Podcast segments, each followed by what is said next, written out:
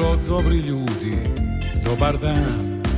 Budite mi dobro, ko što sam i sam. Neka gore mreže, stiže nešto sveže subotom. Subotom, subotom, sa Sašom.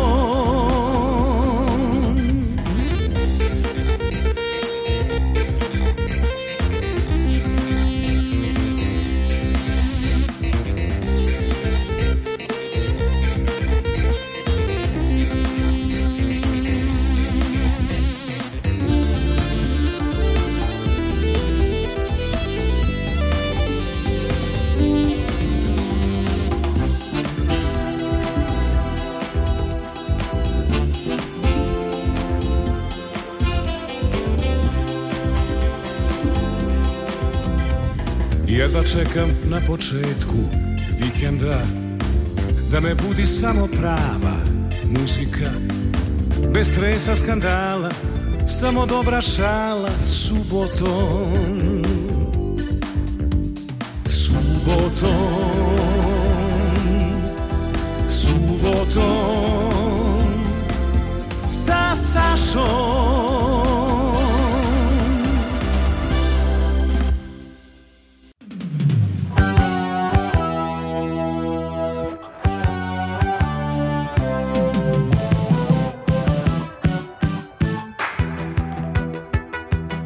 dugo vas tražih da vam kažem sve u lice.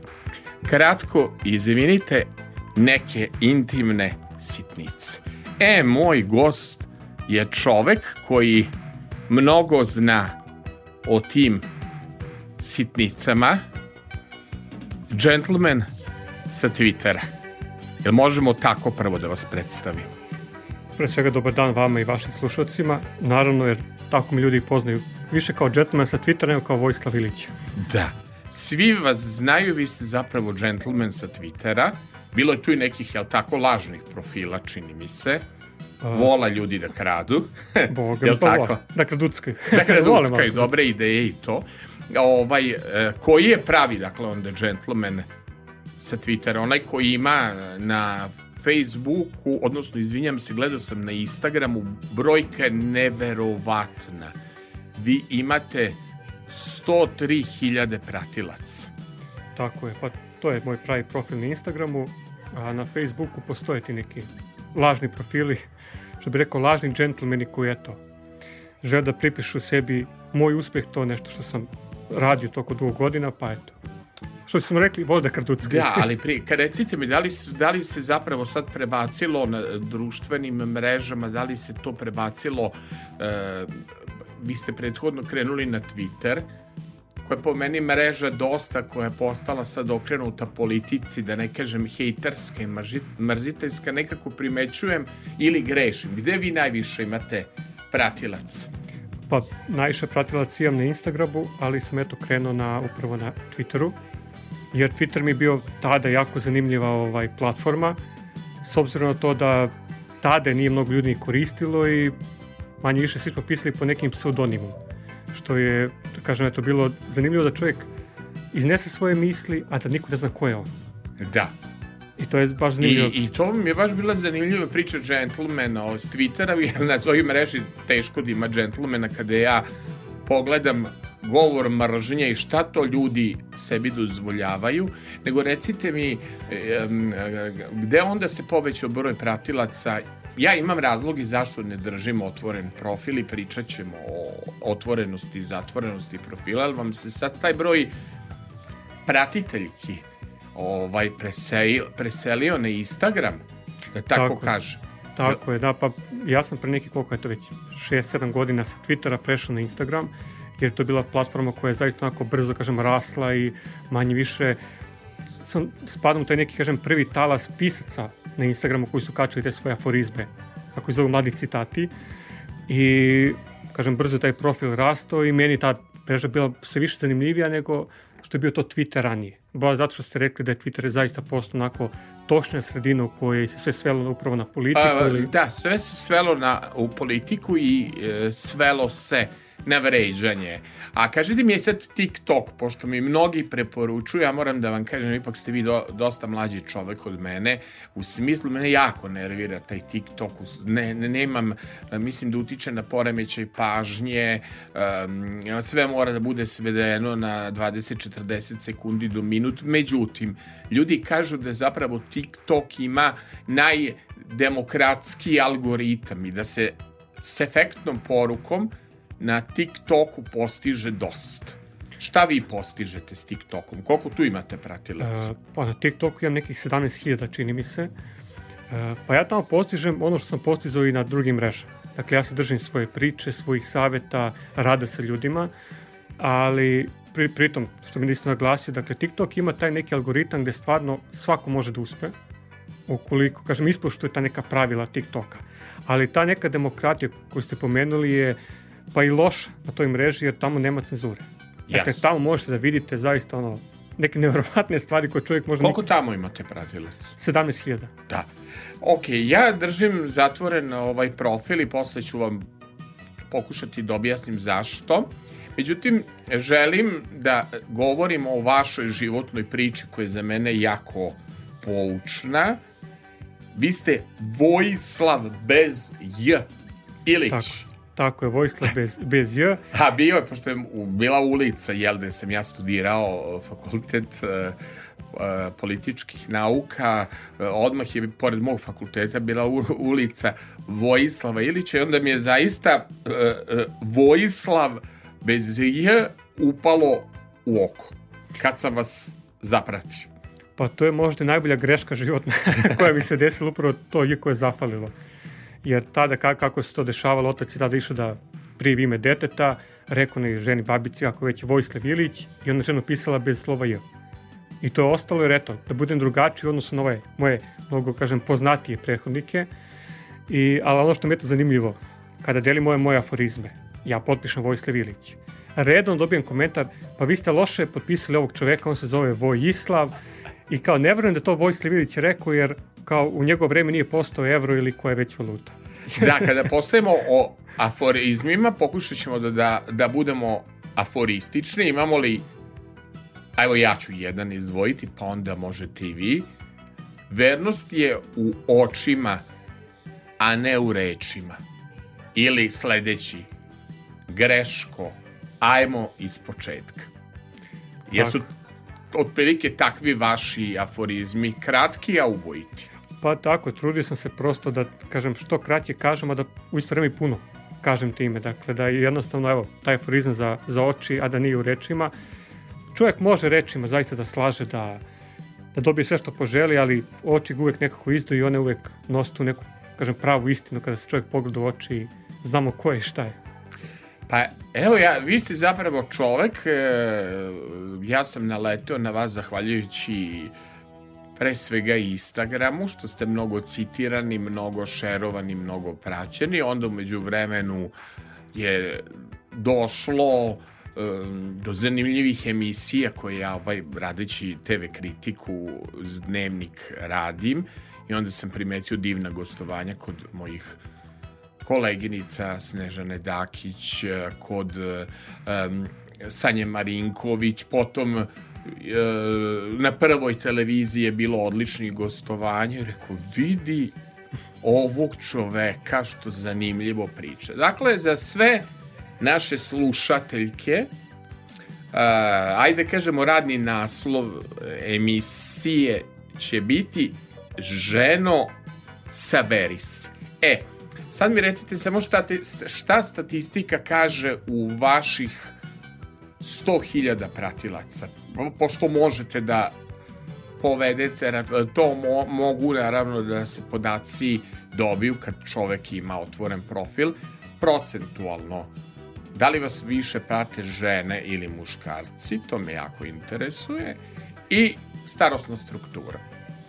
A, mnogo, mnogo više žena me prati, tačno 81 procenat. Dobro. Uh, starostno pa najviše od 25 godina do ti neki 30 i nešto otprilike. Tako mlada publika. Da, čak imam, dakle to je kažem prva ta ciljna grupa od 25 do 30 i neke, zatim idu od 18 do kažem 25 i dakle to je neka kažem ciljna grupa koja me najviše prati i sluša.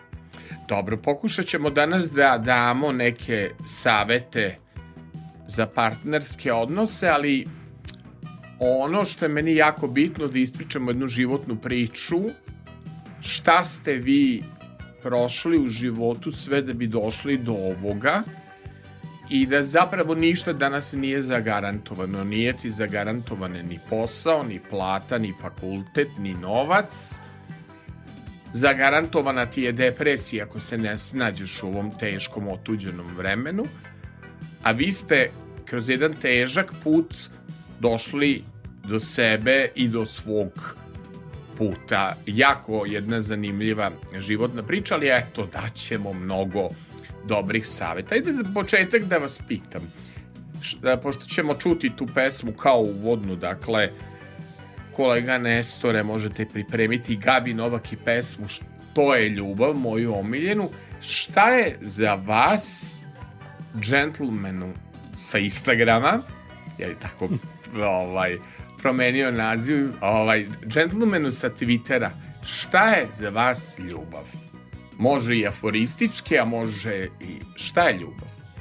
Za mene je ljubav ubedljivo najlepša energija koja postoji, najlepša emocija, dakle emocija koja ono pokreće čoveka i čovek kada je voljen i kada voli zaista može sve. Dobro. A kažete mi što ste bili na televiziji, što imate toliko pratiteljki na društvenim mrežama, li to pomaže ili odmaže u ljubavnom životu? Kako vas doživljavaju? Da li vas doživljavaju kao savetnika, kao ljubavnog terapeuta? Pa doživljavaju me kao čoveka koji nema pravo da pogreši u ljubavi, baš zato što savetujem, što pričam toliko o njoj. Oni očekuju da sam, eto, kažem, savršen u svemu. Ali ne postoji savršenost. Jesu li svesne Naravno. te pratiteljke da ne postoji savršenost? Da je zapravo i ljubav sazdana od nesavršenosti. Tako Zato je. postoji nesrećne ljubavi, jel tako? Pokušat ćemo da pričamo. A ima jedna zanimljiva dijeta, ja sam čovek pre dijetu, zove se kreten dijeta, pričat ćemo o tome. No, ajmo za početak jedan predivan kompozicija Kemala Montena, predivan tekst Arsena Dedića i diva naša Gabi Novak koja kaže što je ljubav. Tvoja ljubav je nekad činila sreću, a nekad činila zlo, ali nisam znala da ljubav je to. Gabi Novak. Što je ljubav? Što je ljubav?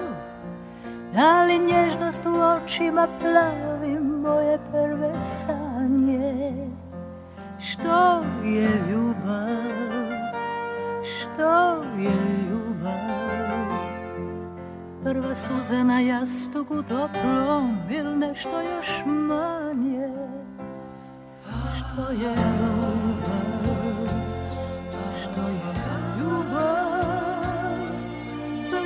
su se dotakle ruke, spuštalo se veče.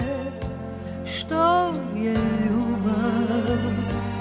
Što je ljubav? Prvi poljubac koji me budi ili nešto još veće. Tvoja ljubav je donijela sreću, ali je ponekad činila zlo. Nisam mogla da priznam, da priznam, da priznam I neću da ljubav je to Tvoja ljubav mi tugu je dala Pa sam mislila sad znadem sve Ali ipak još više, još više, još više sam znala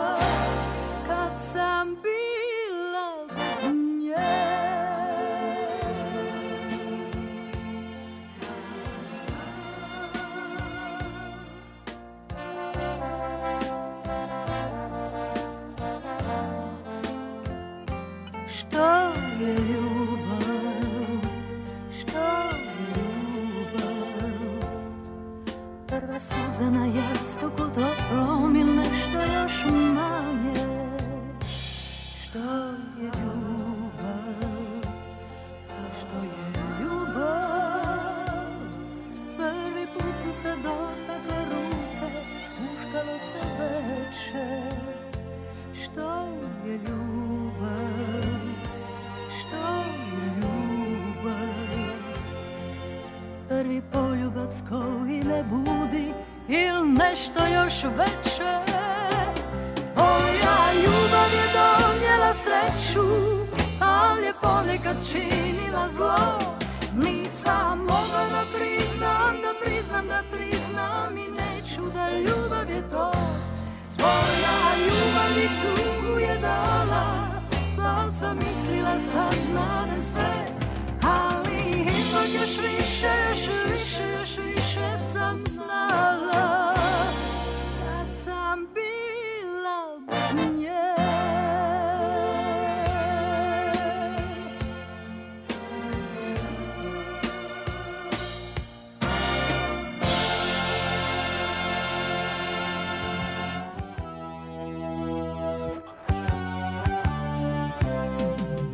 Moj gost, Vojislav Ilić,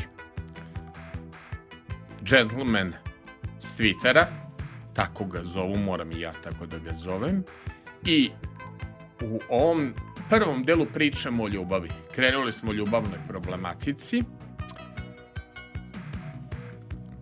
Recite vi meni, jeste li vi promašili profesiju? Pa vi ste se toliko trudili da završite pravni fakultet. Pa onda ste u teretani se pokazali kao odličan trener. I na kraju I na kraju postade ljubav. ste ljubavni terapeut, a da nikada, jeste nekad vi otišli na psihoterapiju za ljubav? I jeste nekad bili vi kod psihologa? E, nisam išao vezano za ljubav, ali sam ovako ovaj, dosta razgovarao sa njima, pogotovo kad sam počeo se bavim, čime se bavim. Jer sam zaista želeo da učim i od stručnih ljudi i da prosto čujem njihovo razmišljanje o mom razmišljanju. Dakle, da li ima tu istine u onome što ja pričam ili, ili nema. I uglavnom su rekli svi da ima istine i mnogima su i svidele te moje knjige koje pišem. Tako Ali da, kako vi, pričat ćemo o vašem životu, vi ste imali i vrlo otvoreno ste govorili o tome periode depresije, periode siromaštva, periode gde niste znali šta ćete sa sobom. Uz depresiju odmah ide anaksioznost, ide zatvaranje, da ne želite da idete... Um, dakle, vama takvo iskustvo ljubavno, jer je iskustvo kao da ste imali sedam brakova, mlad ste čovek relativno. Jel me razumete? O, no, odakle ste crpili znanje koje je istinito? Svako ko je bio u lošoj vezi, u braku, usamljenje, prepoznaje se u vašim... Odakle vama ta životna mudrost? To ću da vas pitam. A prosto pravnik, e, ono, trener, e, odakle, gde ste, Pa, gde ste dobro, skupili ste, tu? dobro ste naveli, pa prvo, na pravnom fakultetu imate najviše žena. Dobro. I tamo sam bio okružen ženama, hvala Bogu. Zatim, kao trener sam bio upravo trener ženama, Ženama ste naravno. trener. Tako da kroz moj život su uvijek bile neke Pa žene. su vam se ispovedale. Odakle vi znate te priče iz života? To mene interesuje. Ja sam stvarno vas pitao za godište. Pošto to je ipak mudrost čoveka mojih godina. Da, pa Ono, mnogi, mnogi aj, smatruju sam dosta stariji, recimo. Pa da, da Hmm. ne, nekako, čini mi se da sada najbolje napravili slike, najbolji video, nekako vas daju mediji e, starijim čovekom, otprilike e, delujete stariji, ozbiljniji e, nego što ste inače kada čovek vidi uživo. Pa, Gde- to gde- su upravo, pa gde- upravo te životne priče. Dakle, sve to što sam proživeo, to me zaista i gradilo da budem dosta, kažem, stariji od svojih godina. Da. Taj ja moj stariji aforizam glasi, koji sam napisao kada sam imao 22 godine, glasi zrelost je stanje uma, a ne godina. Tu i danas imate ljude koji imaju ozbiljne godine, ali nema zrelosti. I ne, i ne pričam samo o zrelosti životnoj, nego i emocionalnoj zrelosti, eto, tematikom koje se ja bavim. Uh, a naravno da su mene nekako uvek ljudi tražili taj savet ljubavni, to jest imali su potrebu da mi se ispovedaju i čak prvi put kada sam, eto kako zapravo krenula ta priča na Instagramu vezana za ljubavno, ljubavnog kouča, eto tako da, ne da. kažemo, A, pre eto šest... Ljubavni coach, Coach. ili ćemo srpsku reč da kažemo, Može. ljubavni trener. A, neko mi to ne, ne zvuči Ne baš kao- zvuči vam. Mislim- Trener mu više deluje fizički, Fizički, mislim, da, ovako tako? coach, A onako, misaono. a, s obzirom da vi radite na intelektualnom polju, a ne radite, jel kao, eh, onda ćemo uzeti ljubavni coach. Dobro, Da, i šta ste vi kao ljubavni Dakle, coach? pre nešto, eto, više šest godina kada sam prvi put okačio na Instagramu o, da me pitaju, dakle, šta god požele, izvolite, pitajte me. Ja sam očekivao da će njih zanimati gentleman, dakle, ko sam, šta sam, Da. čime se bavim. Ne. Prva pitanja su bila, šta da radim, sviđa mi se taj. Drugo pitanje, preverila sam dečko ili preverio me dečko, šta dalje. Znači, pa imate taj onda neku crtu da, da, da, da vam Prosto se ljudi- ispovedaju. tako ja, je, ja dakle. se nekad, s obzirom da vam je priča i biografija jako zanimljiva, jer ste se možda pokajali što niste upisali psihologiju ili e, da ste otišli psihoterapeute kad se faktički bavite tim po... Jel Da. se vi bavite? Tako je. Kroz Pa to je virtualne neki plan, mreže tako je, da. da, da, vi se zapravo bavite poslom ljubavnog terapeuta. Tako je. Uh, pa to mi je neki naredni plan, što bi se rekao čisto da eto imam tu diplomu, uh, ali iskustva, hvala Bogu, imam dosta, jer do sada je, pa manje više tu neko 14.000 ljudi potražilo te neke savjete od mene, konsultacije, kako god. Bilo je zaista dosta i poznatih ličnosti i parova koji, eto, imali su potrebu samo porazgovaraju, da, da se otvore i da prosto pitaju šta dalje, kako dalje. Ajmo, pošto sam ja ovaj, dosta prepoznao u vašim pričama, u vašim postojima života. Da li je čest slučaj da ljudi u ljubavnim odnosima naleću na narcise i naleću na manipulatore? I kako Da. izgleda ta ljubavna manipulacija? Pa znate kako, manje više svi oni naleću na ono od čega su pobegli ili su gledali svojim primarnim porodicama. Dakle, odnos roditelja, verovatno je otac bio manipulator ili majka trpela neki vid nasilja i po tom nekom obrazcu, šablonu kasnije, te devojka i muškarci, da se razumemo, nalaze a, partnere koji su slični kao očevi ili slični kao majke. Mhm. A što se tiče te manipulacije, kako se ona ogleda? Pa taj manipulator, to sam lepo i navuk knjizi žena saberi se, da to je osoba koja ima hiljadu maski na licu, svaka mu pristaje, a nijedna nije on. I on imate neke lepe, slatke reči kojima zaista jako brzo uđe pod kožu. On se pojavljuje kao taj neki super heroj koji će da vam reši sve životne probleme, da vam zaleči vaše rane od nekih prošlih manipulatora, no međutim to je samo njegov taj neki princip ulaska pod kožu, a kad uđe pod kožu, onda radi s tom kožom i emocijama šta god poželi. Ali znate li e, šta su meni moji prijatelji, psiholozi, terapeuti govorili, volim da se družim s tim svetom. Narcisa teško čovek može da promeni. Ako je ta žena upala u zamku narcisa i manipulatora, teško ja mislim da ona može da se izvuče bez nekog razloga. Jel se slažete A, sa mnom? Pa, u- Kada upadnete u mrežu manipulatora, da, slažem nema se da- lakog izvlačenja. Pa nema lakog zato što upravo taj manipulator je radio sve na tome da ta osoba postane lutka, ne osoba više, dakle da je, e, kažem, izoluje od porodice, od prijatelja, od nje same na kraju i onda takvoj osobi više ništa nije jasno. Dakle, da li je u zabludi, dakle, prosto ta osoba više ne zna šta dalje da radi. I onda dolazimo do, onog, one tačke kada one pristaju da ostaju sa njima i kada ih oni varaju, kada ih maltretiraju psihički, fizički, dakle u svakom smislu da su slomljene. E, takim osobama trebaju, ja kažem, na prvom mjestu uvek stručan lice, dakle, ne ja kao coach, dakle, ja sam tu kao pomoćnik, ali na prvom mjestu stručna lica koje zaista mogu da im pomognu da saberu svoje misli, jer uz taj neki toksični odnos dolazi ona depresija, dolazi anksioznost, dakle dolaze ozbiljni kažem, ono, mentalni poremećaj i bolesti Da. koje treba lečiti.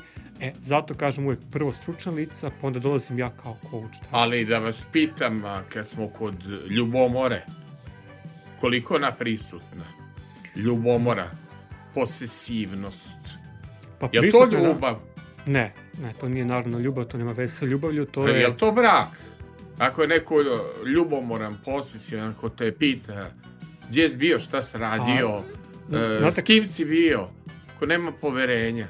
Pa bez ako- poverenja ako- nema ljubavi, da. neko projektuje neku sliku. Pa nema I, tu, I da. bude, da kažemo, i smarač. A ne znam, ženu, devojku, zove 55 puta dnevno. Prosto znam takvih primjera u životu. koliko ih ja tek znam.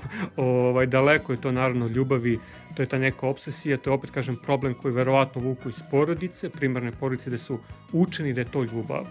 E to treba naglasiti, dakle, nažalost, mnogi ne znaju kako izgleda prav, zdrav partnerski odnos, kako izgleda uh, kažem, brak u kome treba da se trude i žena i muž, dakle, kako se daju emocije, kako se radi sa decom, dakle, mnogi to ne znaju.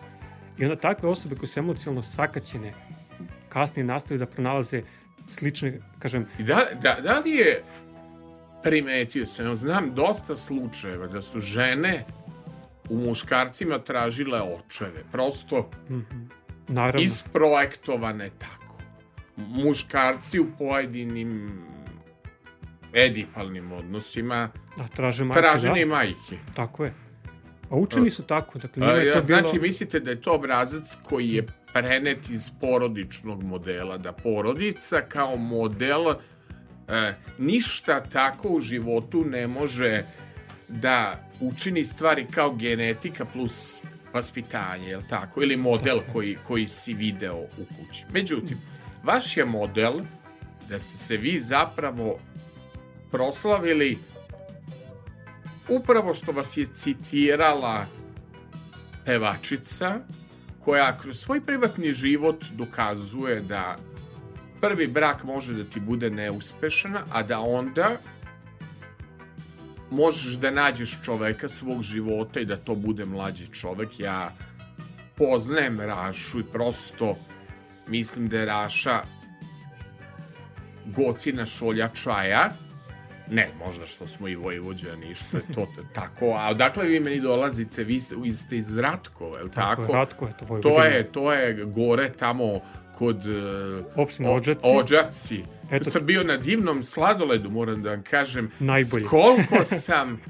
A, ne znam da li je to ljubav. Bio sam depresivan za svoj 50. rođendan, nisam hteo da ga proslavljam.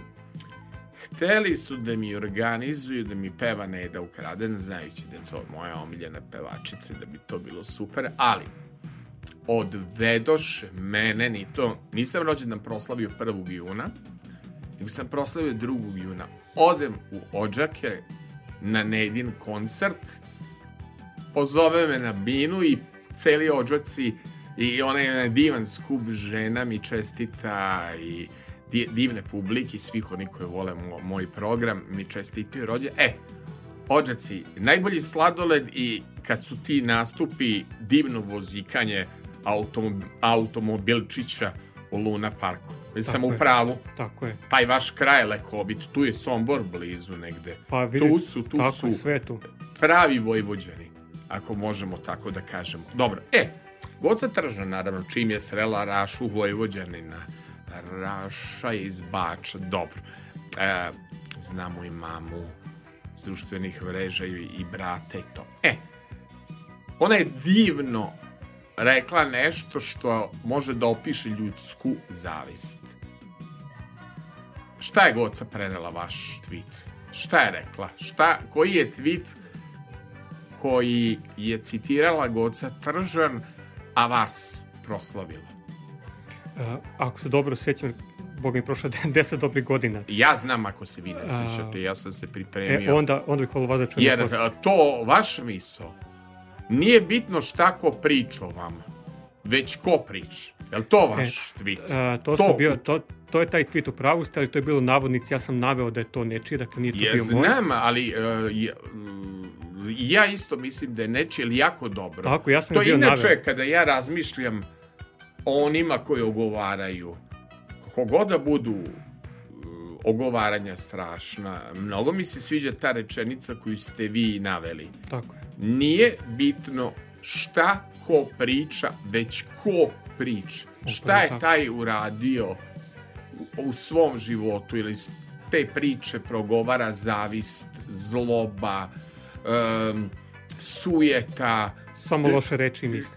ljubomora, em, mrziteljstvo jel, ili hejterizam, možemo je tako reći. I Goca reče i vi postadoste slavni. Mislim, ste bili kod Goca u emisiji? Ja sam zvala me Kod dva puta. Goce je sjajno. Tako, gostao sam dva puta kod nje i zaista lepo druženje i eto, hvala i, i ovim putem mi hvala na što me ugostila čak dva puta. Da. Da, Goca ovaj e, je, čini mi se, jako sugestivna i u svojim stavovima i njene intervju imaju puno pregleda, ali ima jedno životno iskustvo, prosto prošla je loše da bi stigla do dobrog i otvoreno o tome priča. Ja mislim da treba i o depresiji, o svim stvarima otvoreno pričati. Pa onda kad sam razmišljao koja bi bila druga numera da pozdravimo moju drugaricu koja mene uvek pozdravlja i dragu gošću ko, evo koliko radim u medijima 25 godina goca uvek rado viđen, viđena gošća. Divna jedna pesma postoji na koju smo bez veze zaboravili. Ona ima maltene aranžman kao novi fosili. Goca Tržan i Zlatko Vujević još jedan krug. Što bi jedan rekao trener, bio Milan Milak, kod mene trener, on kaže, ja sam dete City Records. Meni sve što je bilo u tim 90. godinama i početak 2000 ti kaže, to je moja mladost, to je moja radost, to je za mene muzika.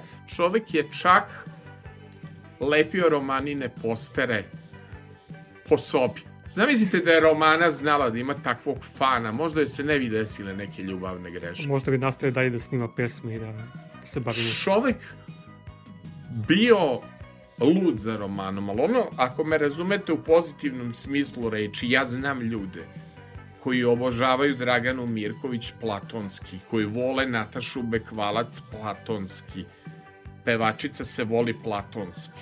Ja bar tako mislim. Tako je. Kako vi doživljate? Sad evo ja dođem na Instagram pa vas pitam kako se pevačica voli?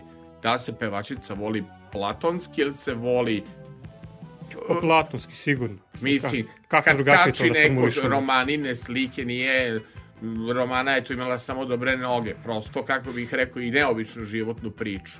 Neko ko voli Gocu Tržan, verovatno voli kako Goca priča i kakva je ličnost. Tako je. Jer je Goca multimedijalna ličnost, ona nije samo pevačica, ona je Eto i voditeljka i sada. voditeljka, i to je jedno od najboljih. Njen format je izvanredan gledan, Da. izvanredan joj format. To sve ona sama. Ka, rekli su mi na K1 kad sam ja gostov u emisiji Preživeli kod Milana Kalinića da često Željko Joksimović kaže Goco, svaka ti čast napravila si brand od svoje talk show emisije.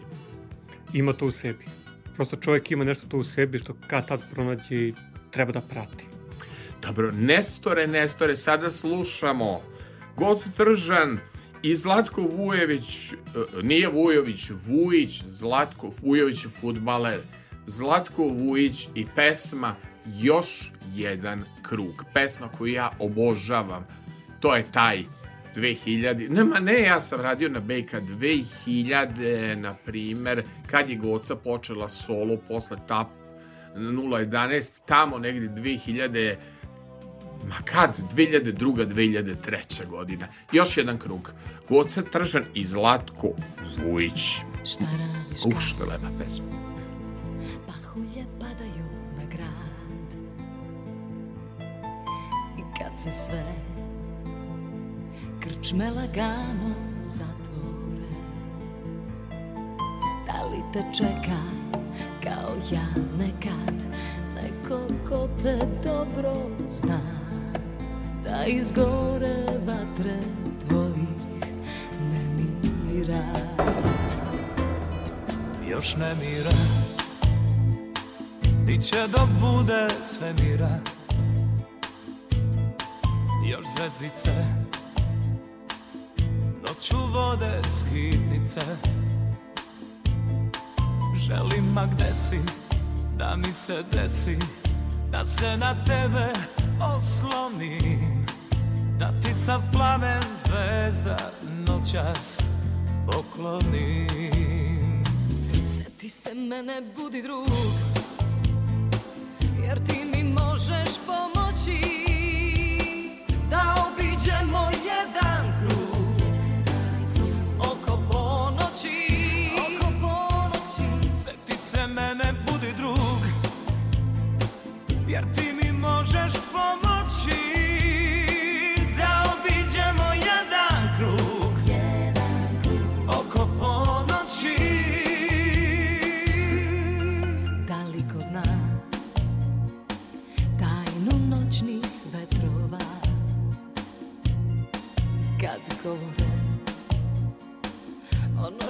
smeš nikome. Da li se kriješ i negde piješ Ko pusti otok jadranski Kao svi tvoji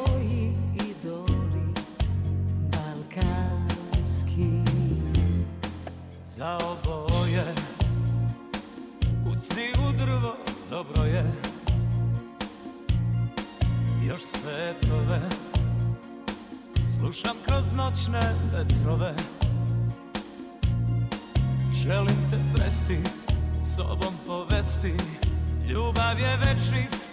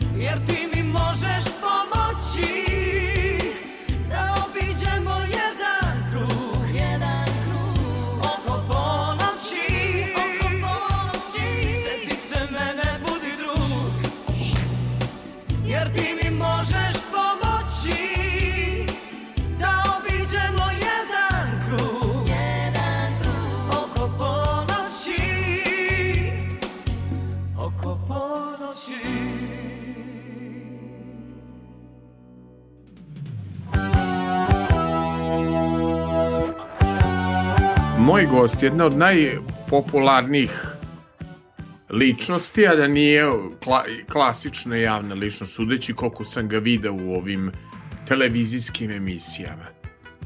Pisac. Diplomirani pravnik, je li tako? Tako je. A, ljubavni govornik, autor knjige. Moram kako bude želim, ženo saberi se i džentlmenova zbirka. Ja sam sve to Tako pomenuo. To je to za sada. Za sad. E, sad ja postavljam vama pitanje. Može. Žena usamljena. Gde da nađe momka? Da li da ide na Instagram, gde se svi lažno predstavljaju i stavljaju samo najlepše slike? Da li da ide na Facebook?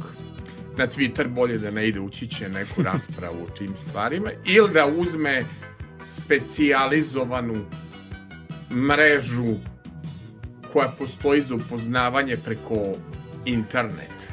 Nekad su postojale te agencije, usamljena srca i tako dalje. Dakle, pita vas, devojka, Novi Sad taj problem ima, ne mogu da nađem momka nikako. Koji vi dajete savet kao ljubavni coach, rekli, smo, rekli ste da nećete da budete ljubavni trener, verovatno s klekovi bi morali da budu. Znači, kao ljubavni coach koji vi dajete savet, kaže ne mogu da nađem momka. Gde da ga nađem? Prvi savjet je naravno da nikako ne spuštaju kriterijume, da prvo moramo se pozabavimo sa samim sobom, dakle, da vidimo šta je sa njom. Dakle, prvo, kriterijume ne spuštaš, znaš tačno šta želiš. I nije dovoljno da čovjek samo želim da imam momka, devojku, a da ne znaš konkretno, dakle, ka, kakva Dobro, tebi osoba bude odgovara. samo uh, uh, htela da, da, da, ima usmeri- momka, onda će da naleti na kretena. Mislim, nemam, Da. nemam drugi Da, izraz. mislim, to je- to je to okej. je ono, ako se želi po svaku cenu ne nađe, ali konkretno pričam vam za otuđenost. Da. Uh, Gde se nalazi danas idealan partner? Gde te žene nalaze momke? E, Jel ste procentualno radili statistiku koliko je kod vas udatih žena, koliko je kod vas razvedenih žena i koliko je kod vas samih žena? Znači, jeste radili statistiku vaše publike? Uh, pa ja sam ranije, dakle, ok, mnogo je više slobodnih devojaka, jer to je te neki uzrast koji me prati. I mislim da će u budućnosti biti mnogo više žena koje će biti razvedene. Koliko prate ovaj moj moje savete i zapravo učenje da ne treba da ostaju u brakovima da trpe zaista nasilje raznih vrsta. A gde da upoznaju? Pa društvene mreže svakako mogu biti dobar početak, ali biti obazriv, zato što znamo Ali, da su... ali znate šta ima jedan problem? pita mene jedna sad, žena koja stavlja takozvane provokativne storije, šta to znači? Malo levo pa desno, hopa, cupa, suknjica, uvek je lepa, uvek je to. Kao zašto ona dobije na Messengeru samo vatre, samo srca, a kafe nigde. Niti vode. Niti Da. pića. Pita mene ta žena u čemu je njen problem. A ja kažem, sestro slatka, pošto mi je drugarica. A, koleginica. Nije se z e, novinarskih voda, ali je tu prateća služba, nije bitno. Kažem, sestra slatka, u tebi je problem. Šalješ pogrešne poruke. Ali, ona meni kaže, Saša, zašto su muškarci samo hrabri na društvenim mrežama, a nema te hrabrosti da me pozove na kafu, da me ne pozove na sastanak, da me ne pozove na dejt. Sa, Zato što idu lakšim putem. Jako jednostavno. Mnogo je lakše na društvenim mrežama da pošalju 300 poruka, pa neko tih 300 poruka, vatrica ili poziva prođe jedna, njima je super. A ti uživo treba da priđeš 300 puta, što opet je zahtevnije, tako da mnogi idu tom nekom, kažem, lakšom, lakšim putem. ali postoje struke koje umeju više sa žena. Ja sam to, na primjer, primetio kod šofera. A dobro, A, moram da vam objasnim sledeću stvar. Ja znam vozače autobusa i kamiona koji pet brakova imaju iza sebe. Znate šta mislim, šta je tajna njihovog uspeha? Što su uporni. Ako ti uspešno na svakih sedam dana odvozaš turu, ne znam, ođaci, more, onda si u, verovatno uporan i kod žena toliko... Fizički je spreman da bude uporan. Da, on je fizički tom vožnjom na svakih sedam dana s tim noćnim radom e, šofer je fizički spremni da bude nego neki intelektualac. Mi ga, brate, sad pričamo nama kao intelektualcima, mi ga mnogo mislimo. A kad mnogo misliš, uđeš odmah u dubiozu kolektiv, Tako. mentalno. To je ove, Se slažete tako, sa To je to vertinkovanje koje svi pominju, gde ljudi koji su, kažem, ajde inteligentni ili se bave neki, kaže, akademski građani, razmišljaju o milion faktora. Posao, da li će imati dovoljno za nju novca, da li će, Yes. znači, pripremu. Oni radi detaljnu analizu pripreme, a ljubav je sve samo ne priprema. Ljubav Šta je ljubav? Pa, trenutno, To su više kod vas... Uh, Ma, ljubav je je ljubav? Ma jako jednostavno, ljubav, rekao sam, najlepša emocija koja se desi i tu nema pripreme, tu nema, ne znam, čovjek može biti najuporniji pa da mu se ne desi, a može biti lenj pa Šta da... je ljubav? Kako se ljubav desi? To zavisi od sreće, ili de, zavisi od rasporeda planeta na nebu, jer zavisi koliko imate pratioca na društvenim mrežama. Interesuje me šta je za vas ljubav? Kako se ona desi? Koji je pravi ljubavni odnos? Pa, a, a kažemo koji je pravilni ljubavni odnos, pa naravno onaj koji je obostran, jer, pošto pričat ćemo to i zabludama, danas je mnogo tih zabluda gde postoji samo ljubav po znacima navodnika sa jedne strane, a kada pričamo o toj pravi ljubavi, prosto mora se desiti. Da Sad, bude obostrano, Pa, da bude mora. nadopunjavanje ličnosti i da bude jedan partnerski Tako odnos. Tako. Onda, onda bih ja za vas pitao šta je za vas greh? Jer varanje je greh. Jer e, biti u braku, a flertovati, je li to greh? Je li greh e, biti u braku, a sviđa ti se zgodna pevačica na našoj sceni, ne znam. U braku si, a voliš da gledaš Minić Radmile Manojlović ili Milice Pavlović. Pa ja bih- da. Šta je greh? Ja bih prvo rekao, naravno, ako pričamo o nekom velikom grehu, svako je greh da gaziš po, po samopoštovanju, po emocijama osobe koje te voli, to je greh. A sad, da li tu možemo svrstati flertovanja, pa i to isto možemo, kažemo da je neki manji greh, ali i opet greh. Jer ako ti imaš osobu koja te voli, koja ti je dala svo svoje poverenje, koja ti decu rodila na kraju krajeva, a ti flertuješ s nekim drugim osobama, da li na internetu, da li u kamionu kroz spustiš prozor pa flertuješ, sve to naravno E, sada po vama. Da li je prevara jednako fizička prevara kao i mentalna? Da li si prevario a, a, dok- a, u vezi si? Da li je prevali, prevarila ako je u braku, ako je u vezi, a flertovala je na Instagramu? Jel prevarila? naravno. Jel se to po vama računa kao i fizička prevara? Pa gde- da li je mentalna prevara ovaj, Jednaka fizička. Jednako i fizička. E, to me interesuje. Čim prevara. postoji namera, a namera očito posto, postojala, ja to smatram prevarom. Pa to mi isto kao A može, šta znam, ako neko leči kompleks, tako nije bio voljen u detinstvu, pa flertovanjem leči kompleks. A, pa onda to neko ode kod stručnog lica neka leče, ne da leči na društvenim mrežama i u inboxima drugih muškaraca i žena. Pa, Pa znam, pa u tim im, inboxima ima svašta. pa ima. Svašta, tu, svašta tu putuje. Tako je, da. Svakakav donji veš i, i ko je šta još. I bez donjeg I veša. bez donjeg veš. Svakakve štafete mladosti. Idemo na pesmu. Jel mislite da je voleti greh? Nije daleko od toga. Jel greh? Nije. A ja imam jednu divnu pesmu. E, Neda Ukradin je to odbila da peva na Splitskom festivalu, pa pevala Jasna Gospić, ali najviše proslavila Zore, Zorica Konđa i onda je uradila divan duet sa Teddy Spalatom, jedna od najlepših letnjih pesama sa Splitskih festivala koja kaže Zar je voljeti greh? Dakle, obožavam ovu pesmu Zar je voljeti greh? Zorica Konđa i Teddy Spalato. Priča o ljubavi obično ugnjavi, ali ovo je dobra ljubavna priča danas.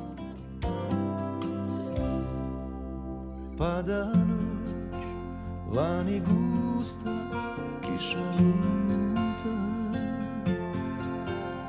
Vjetar već žuto lišće mete s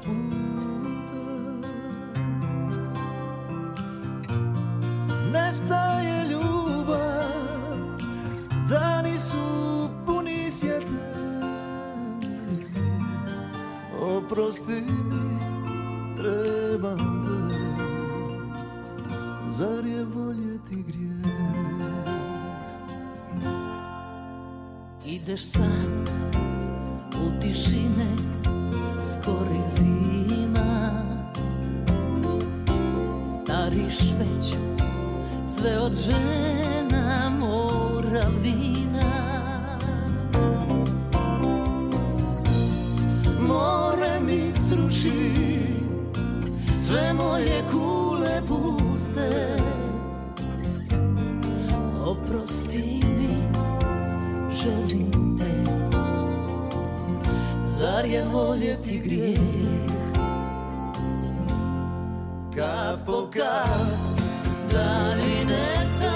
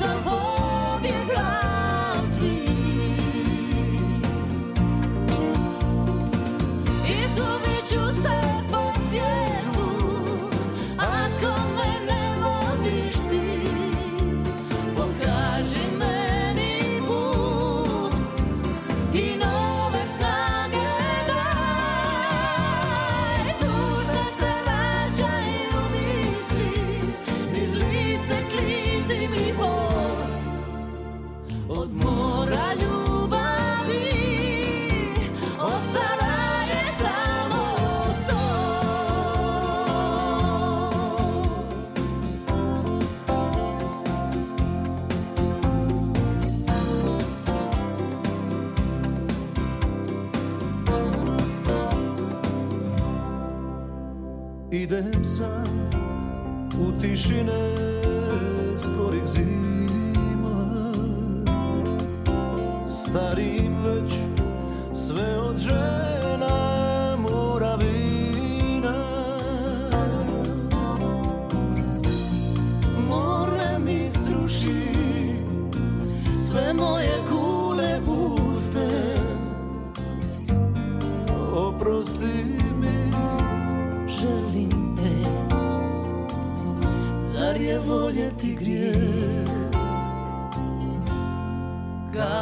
Kap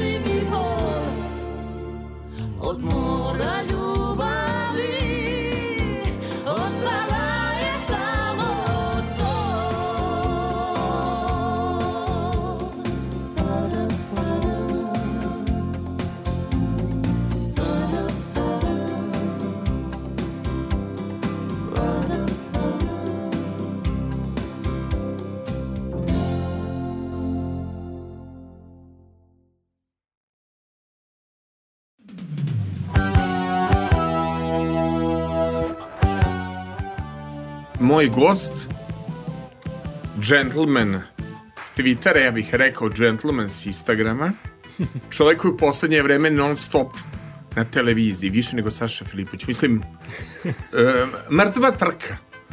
Ko je više u debatnim emisijama, da li vi ili ja? Vojislav, o to da dobro upamtimo bez J, Vojislav Ilić.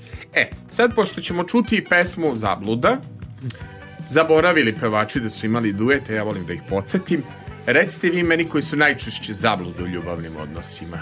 Šta je najveća zabluda e, s kojim ste se susretali pa ste preneli to u je li ovo roman ili knjiga? Priručnik. Ž, priručnik. To je priručnik za emocije. Priručnik za emocije. Da. Ženo, saberi se. Prvo, šta vam to znači ženo, saberi se? To znači da je zaista krajnje vreme da se žene saberu i da više ne daju drugu šansu istom idiotu. A, odlična Pa, je ta prosto priča. ja moram tako da kažem. Ja, ali moram, jako mi se sviđa jedna stvar, pošto ste vi radili u teretani i pričat ćemo o vašim kilogramima i šta se sve dešavalo u vašem životu, jer vi otvoreno pričate i o depresiji, o nekim nevoljama koje su vas e, snalazile tokom života. Imate jednu fantastičnu misao da kažete o jednoj dijeti. Mhm. To se zove, koja je to dijeta? To je čuvena kreten dijeta. Kreten Da, dijeta. kreten dijeta Kakva je to dijeta? Pa to je univerzalna dijeta, dakle i za žene i muškarci, nebitno koliko godina imate, ona zaista svima pomaže, ali kako ona radi, kako funkcioniše. Kako funkcioniš? Pa prvo moramo da pronađemo kretena, ali ne običnog, ove, kažemo, standardne kretenčiće, nego kapitalca. Kapitalac. Kapitalac mora da bude... Znam, ali vi ste mnogo, kako bih rekao, verovatno se obeležite svoj ciljnoj grupi, dakle ženama. Ne savetujete da i že, e, muškarac može da ima problematičnu ženu. Može, ali zato sam i rekao da je univerzalna. A, univerzalna. Kreten je kreten. Bez, Dobro. bez po, nećemo Nema- nema polnu Ne, odrednicu, ne, kreten. nije- On je Kreten kreten, je kreten, Bitno da je kapitalac. Dobro. I naravno što Ka, se... ka, kako se ponaša takva ličnost? Takva ličnost je naravno u samom početku n- najsavršenija. Prihvata sve naše mane, ništa Stvarno. ne smeta, I ma sve. bijela. Ma, Ko u ljubavnim pesmama? ma letimo na nebo. Dobro. Sedmo smo nebu i sve je super, sve je sjajno, bajno, a kada taj kreten nas osvoji, kada uđe pod kožu, kao što sam već rekao, onda padamo sa tog neba. I šta nam radi kreten u toj kreten dijeti? Kako nas jede i kako nas cedi? Uspešno. Svakog dana onako lepo Šta naradi. radi? Kinje nas. Pa radi sve što radi? poželi, dakle, zlostavlja nas u svakom smislu, vređa nas. Mentalno nas. I mentalno. A, nekad je u odnosu na fizičko zlostavljanje i mentalno jako gore. prisutno. Da. To kad vas neko ajde mogu da kažem izraz, ne znam da ga vi to s- stručno koriste, to kad vas neko kljucka u glavu non stop. Kljuca u mozak, ne, što bi se kljucka reklo, da. u mozak, ne da vam mira. Pa Jel ne tako? da mira, dakle, zato što uh, koristi razne te neke tehnike od kontrolisanja, E, bravo, ljubomorisanja. bravo, kontrolisanje, ljubomorisanje. Pa zapravo sve ono što on radi, on pripisuje svom partneru. Dakle, Dobro. on vara, on pripisuje svoj partnerki ili partneru, dakle, rekao sam kreten je Da. iz pola, A pripisuje... kad su pare u pitanju, on troši pare, a, zamera... A to je, ne, to je već neki, kažem, viša liga kretena, to su viša da. liga koja koristi zapravo da se vuče pod kožu ženama ili muškarcima kako bi koristio njihov novac. Dobro. Dakle, finanska korist. Dakle, njih ne zanima sad da iskoriste seksualnu smislu ili kako već emotivnom, već isključivo samo novac. Dobro. Imate jednu jako zanimljivu teoriju. Dobro, je li ta uspešna kreten Da, najuspešnija, Pa pa je, s obzirom da ste vi ra, a, Radi radili u teretani, teretani, recite mi a, koja je inače dijeta najuspešnija? Da li kombinacija ishrane i fizičke aktivnosti? E, Šta je najbolje? pa kažem, A, pošto vi imate variranje u kilogramima, doći ćemo priču o vašem životu koja je neverovatna. E, uspeli ste i bolest da pobedite i ispričat ćemo otkud vi zapravo kao jedan pravnik u ovim dakle vodama, to kao da vas je prst sudbine uveo, nego e, želim još jedan aforizam da a, ovaj e, kažem ulaskom u raspravu s idiotom postaješ veći idiot od njega. Je li to vaša misla ili ste negde to je, moje, pročitali? to je moje misao i to je najveća istina, zato što šta možemo dobiti ako se raspravimo s osobom koji dalje ima samo svoj pravac, ne zanima ništa okolo. Dakle, ti ne, vi njemu ne možete promeniti njegovo razmišljanje, a izgubit ćete živce. Da. I onda nema potrebe. Ja, ja prosto mislim, besmisleno je pričati bilo šta ljudima koji ne mogu da čuju. Tako Nego recite mi, zašto dobri ljudi loše prolaze u životu? Jel danas mana biti dobar čovek? Eto, to sam u nekim vašim postovima pročitao. Moram da kažem, uživao sam. Toliko sam uživao čitajući vaše postove i, i, i slušajući intervjue da sam se pogubio malo i sa sinopsisom i sa pes... Prosto me, znači, to ovaj, e, prepoznao sam stvari života. Idemo, dakle, u tu priču. Zašto se po vama dobri ljudi povlače i da li dobar čovek jednako budala? Pa ja verujem da je dobar čovjek jednako budala i to naravno prema sebi. Dobar čovjek ima taj problem da ugađa svima, Dobro? sebe totalno zapostavi i on smatra da je dobar baš zato što svima ugađa. A pošto sad radim novu knjigu i Dobro. pišem upravo i o tome, Kako će se A, knjiga ja- zvati? zvat Imamo se da- Život je jedan. Dobro. Uh, e, dakle, baš pišem o tim dobrim ljudima i zapravo im govorim da nisu dobri. Dakle, ti ne možeš biti dobar čovjek ako si loš prema sebi. Uh, to ugađanje svima dokle i zašto. Da, ja, ja primećujem pojedine osobe da ugađaju svima i onda prosto se pretvaraju energetski vampirizam, onda krenu da kukaju samo. Tako. Kako su jadne, kako su iskorišćene, a same su, Same su dozvolile os- dozvolile ulogu. Pa same su sebe gurnuli u ulogu žrtve. Da. Zašto? Da bi, ne znam, tamo neki komšija prijatelj rekao, evo, ovaj je dobar čovjek, on mi čini.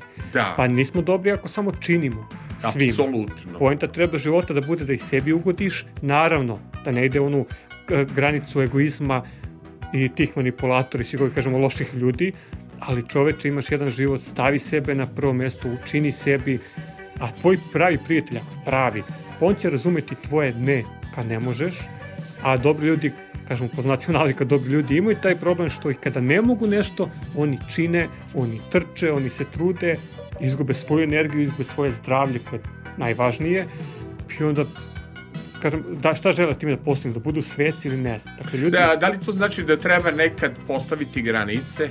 jasno, Da li to znači da se treba nekad povući, da treba ugasiti telefon? Da li to znači da ne možeš uvek biti najbolji sin, brat, drug, muž, ljubavnik, prijatelj, da moraš malo da daš vremena i za sebe i da sebi kažeš hoću malo da užijem u svojoj samoći. tako je. Znači, svako ima od nas potpuno Imamo pravo. li mi pravo na, na, na parče svo, svoje neke samoće? Na par na svog svo- života i svog na, vremena. Na, na, na, imamo. na komad svog života. Da. Ne da služimo drugima. Ili- Ili ne da. da, da radimo za druge. Pa ima jer je- potpuno pravo, naravno. A, a da li zapravo dobrom čoveku vola i da nametne obavezu? Ako si dobar čovek, dobar radnik, oni će Naravno. da ti napakuju. Pa naravno, zato što loši ljudi nisu dobri i oni znaju da iskoriste te dobre, prosto vide, što bi se narodski rečeno, ko je magarac toj priči, ko će da vuče teret i ko će sve da radi i onda iskorišćavaju.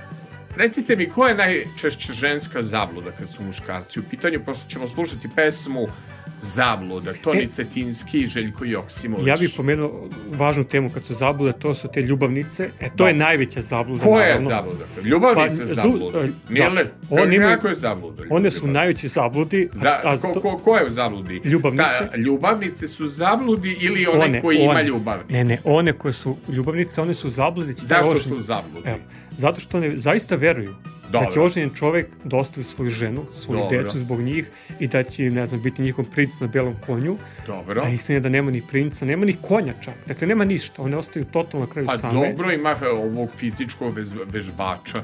Nešto ima. A- a- a da- da- Ako je ljubavnica. Da, ali znate šta su one? Evo ja sam to otvorno Šta pričao. Dakle, ljubavnice su ništa drugo nego malo skuplje seks igračke muškarcima da razbiju monotoniju braka. I ništa više. Stvarno?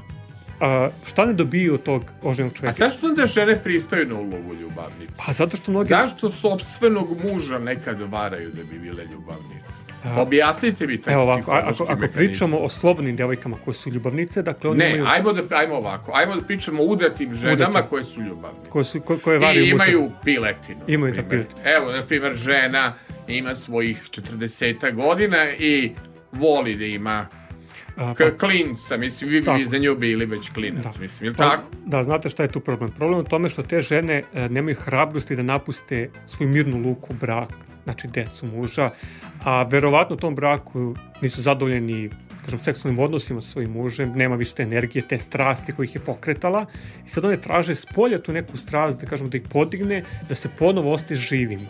Dobro. A to je naravno, mislim... e, Ali što imali ljubavnica benefita, pa ovaj donosi bombonjere, pa ruže, pa je šalje da je to vredno? lepe Viber ljubavne poruke. Ma prelepo zaista. A, ja pitam, koja ste vi konzerva? Pa vi, Vojislave, ko da ste rođeni u 18. veku, a ne u 21. Strašno, da. veku. Pa ovo je vreme ljubavnica. Tako da Jel može li ljubavnica da avanzuje u životu nešto? Pa da može, da. avanzuje u krevet, misli preko kreveta, da A do- avanzuje u karijeri, da dobije kola, da dobije novac, da Može, nešto ali do dobije. kada i do, dakle do kada? Pa neće ta ljubavnica biti uh, večno mlada. Neće moći večno da avanzuje. Dakle, ako ona sebe postaje na tržištu kao robu, Dobro. koju neko kupuje, neko Danas drugi je sve roba. Pa Danas ne, se ma ne kaže jako isplativo biti ljubavnica. Ma kako Kaže, isplativo? sve možeš da dobiješ na taj način. Pa evo, Ali ljubav ku- evo citiram vam vas, citira, ci- citirat ću Vesnu Zmijanac. Kunem ti se životom i ranjenom dušom svom. Mislim, ja sam s vama na vi, ali citiram Vesnu Zmijanac. Kunem ti se životom i ranjenom dušom svom da su ljubavnice nešto i ostvarile preko kreveta. Šta vi mislite? E, pa Vi ste drvlje i kamenje na ljubavnice, boga mi ljubavnice avanzovale. Ja opet pitam do kada? Šta se Avanzovala je. Ok, kada ona A u odnosu na tog dobrog, vrednog čoveka, ona je avanzovala. Da. I onda dođe neke godine, to što je avanzovala, to je davno potrošila. Da. I šta ima pored sebe?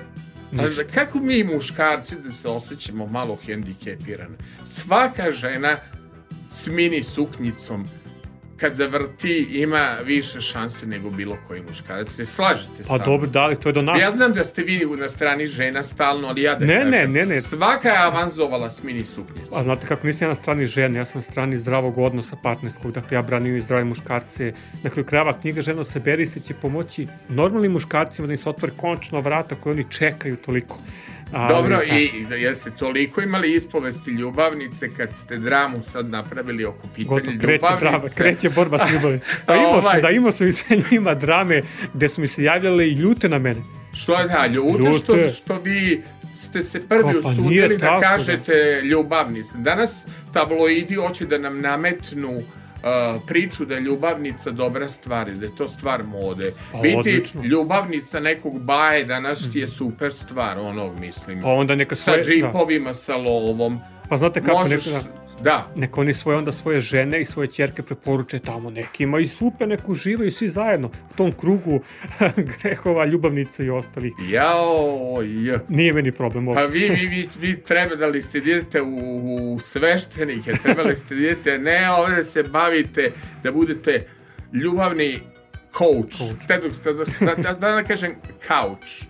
Znači, jako to, znate, znaš, da vi ste jako neki romantičan čovek. To sve kod vas čisto romantično. Ma užas. ja nemam reči. Treba sam bio neki kreten kapitalac i Pa, pa ja, da, gde bi vam bio kraj? Gde bi vam bio? Nego ispričat ćemo vašu životnu priču za kako ste vi zapravo nimalo laku životnu priču došli do svega, nego sam ja da mi čujemo jednu lepu pesmu Željko Joksimović i Toni Cetinski Zabluda. Najgore su te zablude u ljubavi. Ženo, saberi se, moj gost gentleman s Twittera Vojislav Ilić. Vojislav bez J. Uh, gentleman s Twittera. Zabluda. Jao što lepa pesma, miris grčki. Zaboravili i Toni i Željko da su pevali zajedno. Zaboravili, ali ja nisam zaboravio jedno od lepših pesama o zabludi. Prelep tekst.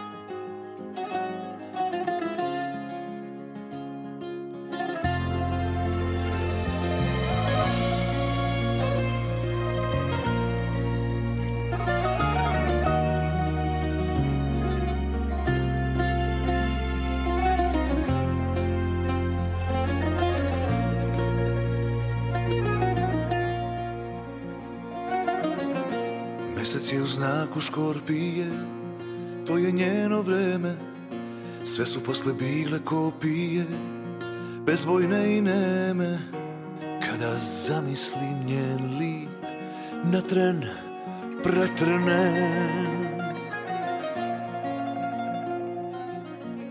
U pogledima tražimo obrise koji na nju liče, glavom protiv srca borim se, al na kraju priče srce proda stari trik, pa se otrgne.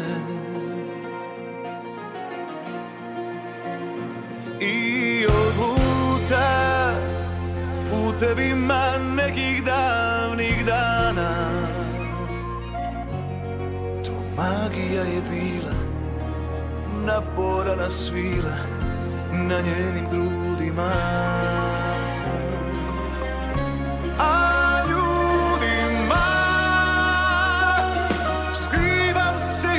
i ne pričam o to. Jer kako da im objasnim Mada tuđa moja si Još se hranim istom zabludom. Plesati je mogla za uvijek Tako drsko mlada Dani su je počinjali tek Kada su mrak vlada tišina nađe put U noći srebrne. Pa odlutam Na ta mjesta gdje je bila moja. Al jutra se prikradu I oduzmu svu nadu Dok se budim ja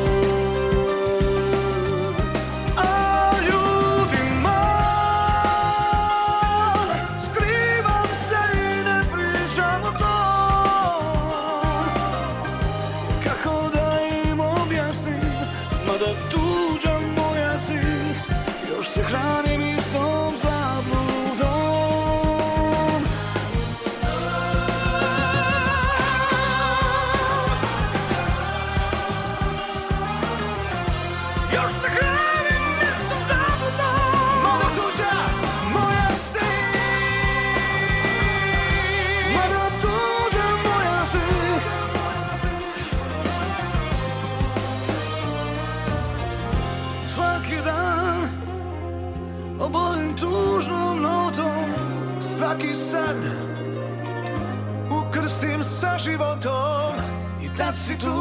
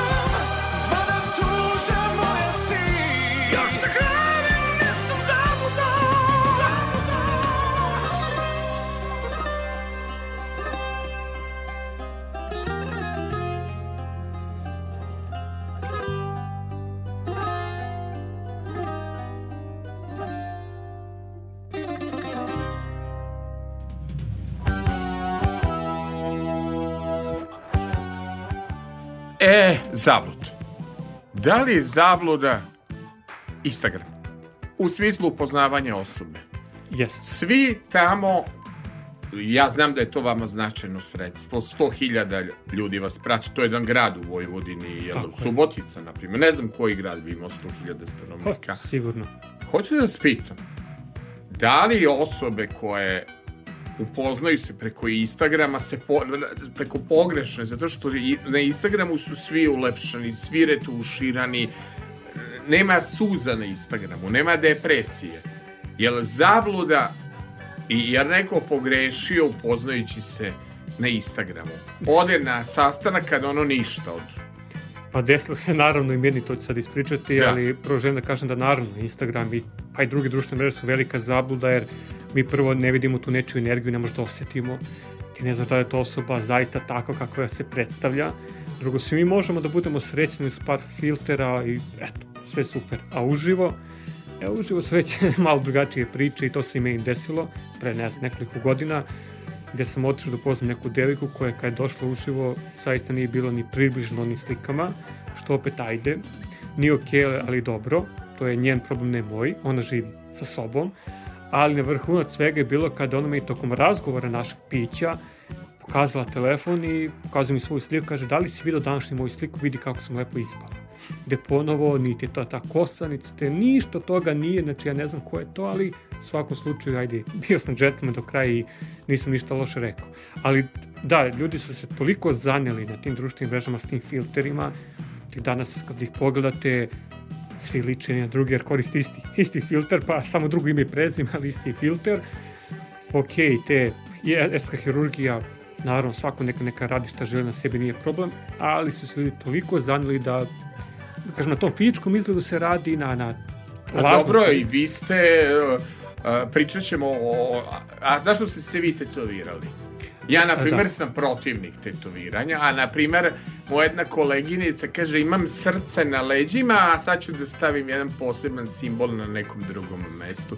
Ja sam, na primer, protiv tetoviranja. Evo zašto sam ja razlog. Dakle, ja kada sam preživao šta sam preživao i prošao neku životnu priču, želeo sam prosto da neki podsnik sebi dam, ostavim na koži, a upravo to je ova tetovaža koju sam uradio i koja me onako uvek glasno podsjeti i nekad kad i meni padne energija, padne želja, borba za životom, da me podsjeti da sam zaista prošao nešto što možda mnogi ne bi i da prosto najgore je prošlo. E, ajmo mi da ispričamo zapravo tu životnu priču, šta ste vi sve preživeli. Vi ste pre svega, udario vas je automobil, je li tako? Tako. Sve je to počelo lepo, lepa jedna sportska karijera, šta beše, košarka čini mi se, je li tako? Pa ne, krenulo je, E, znate kako? Kako je krenulo? Evo ovako, dakle, ja sam imao četiri godine kada me udario automobil. Dobro, Dakle, dete malo, tada smo se igrali na nekom spornom putu u selu. gde dobro. realno nije neka frekvencija automobila prođe jedan u, u celom danu koji toliko prođe. I eto, baš taj dan u tom trenutku reši jedan čovek koga nije zanimalo što deca se igraju na ulici futbala. On se jednostavno zajurio ka nama, stoji nešto na sat. Ostalo deca su uspelo neko da se pomere, ja nisam video, me pokupio, letao sam 20 nešto metara u vazduhu, daljinu kako već, pao sam na glavu i zapravo jedan život zdrav, normalan koji sam imao, Se pretvorio pretvorio se u agoniji i borbu sa prvo epilepsijom epilepsiju, je li do tako? 18. godine. I to je ta bila, kažem, izvana epilepsija upravo tim udarcem. Ja sam imao svega tri napada za tih 18 godina, ali to su, pored tih, kažem, klasičnih napada tokom sna, ja sam imao ogroman problem sa svetlošću, meni je svetlost smetala previše i čak su na nekim prvim pregledima kada smo išli, eto i nečemu lošem ima dobro, dobro lošem, prva doktorica koja me pregledala rekla mojim roditeljima da ću biti zaostao i da treba da me drže pod staklenim zvonom, da ne smem da se krećem, da ne smem da ništa, ništa, ništa. A to je čula neka druga doktorica koja me pozvala i rekla, ajde dođi tu uradimo test inteligencije. I oni su radili test inteligencije koji je pokazao da sam iznad proseka, ne znam koliko sad imao, 140 i nešto kao, kao dete IQ. Tako da, eto, jednom lošem sam saznao da sam prošlo inteligentan. Ali u svakom slučaju, bila je to ogromna borba s jedne strane sa epilepsijom, tom bolešću, s druge strane siromaštvo, gde nismo mogli tada da nabavimo taj neki lek Eftil. Da, Znaju ljudi koji koriste, koji imaju epilepsiju. skup lek. Preskup i u to vreme nismo mogli da ga nabavimo, možda ni u Srbiji, već se tražilo s polja, gde god je moglo. Pozemljivao se. A evo, to sam možda ranije nisam pomenuo, u tom nekom mojoj borbi sa epilepsijom, ja sam imao najboljeg drugara se isto, bol, isto mog mesta, isto se preziva kao ja i on se isto borio sa epilepsijom, samo sam imao tu jednu tabletu, on imao šaku lekova, on imao neku drugu terapiju i nažalost on nije uspio da se izvuče i nažalost je preminuo, ali kažem eto, bilo je tu svega. Ali recite mi sledeća stvar, šta se desilo na treningu kad ste vi pali posle treninga? Je to Da. bila... E, To je kasnije se e, šta, šta, to je drugi maler koji E, se desio vašem. pa to, to nema veze sa epilepsijom. Nema, dakle, A, šta se desilo? Zato što sada ko bude proučavao vaš život može da vidi vaše slike pre i vaše slike posle. I pre i I posle. pre i posle. Znači, vama se desio problem jedan da ste vi posle jednog treninga u teretani pali, jel Da, tako? ovako se desilo, Zašto, za, zašto se desio taj problem uh, u teretani? E, eto, zašto se bavim ljubavlju. Emocije. E, moja neka prva zaljubljenost, slobodno mogu reći, tako sam napisao knjizi Žena saberi se, devojka jedna, koju nisam vidio du, duži niz godina, pojavljuje se u mom selu posle ohoho, uvati me za ruku, izvuče me iz, iz kafića i kao, desi, da li me prepoznaješ? Mi smo tu onako lepo ispričali, dogovorili se da se vidimo kad se vratim sa grada, jer ja sam tad studirao pravni, Dobro. a eto kako univerzum bio zanimljiv i po kako god, i ona je upisala pravni. Dakle, neverovatno, ja sam tad bio, ne znam, treća godina, a ona je bila prva. Dakle, never, ili četvrta, ja sam izvinite, četvrta, ona prva.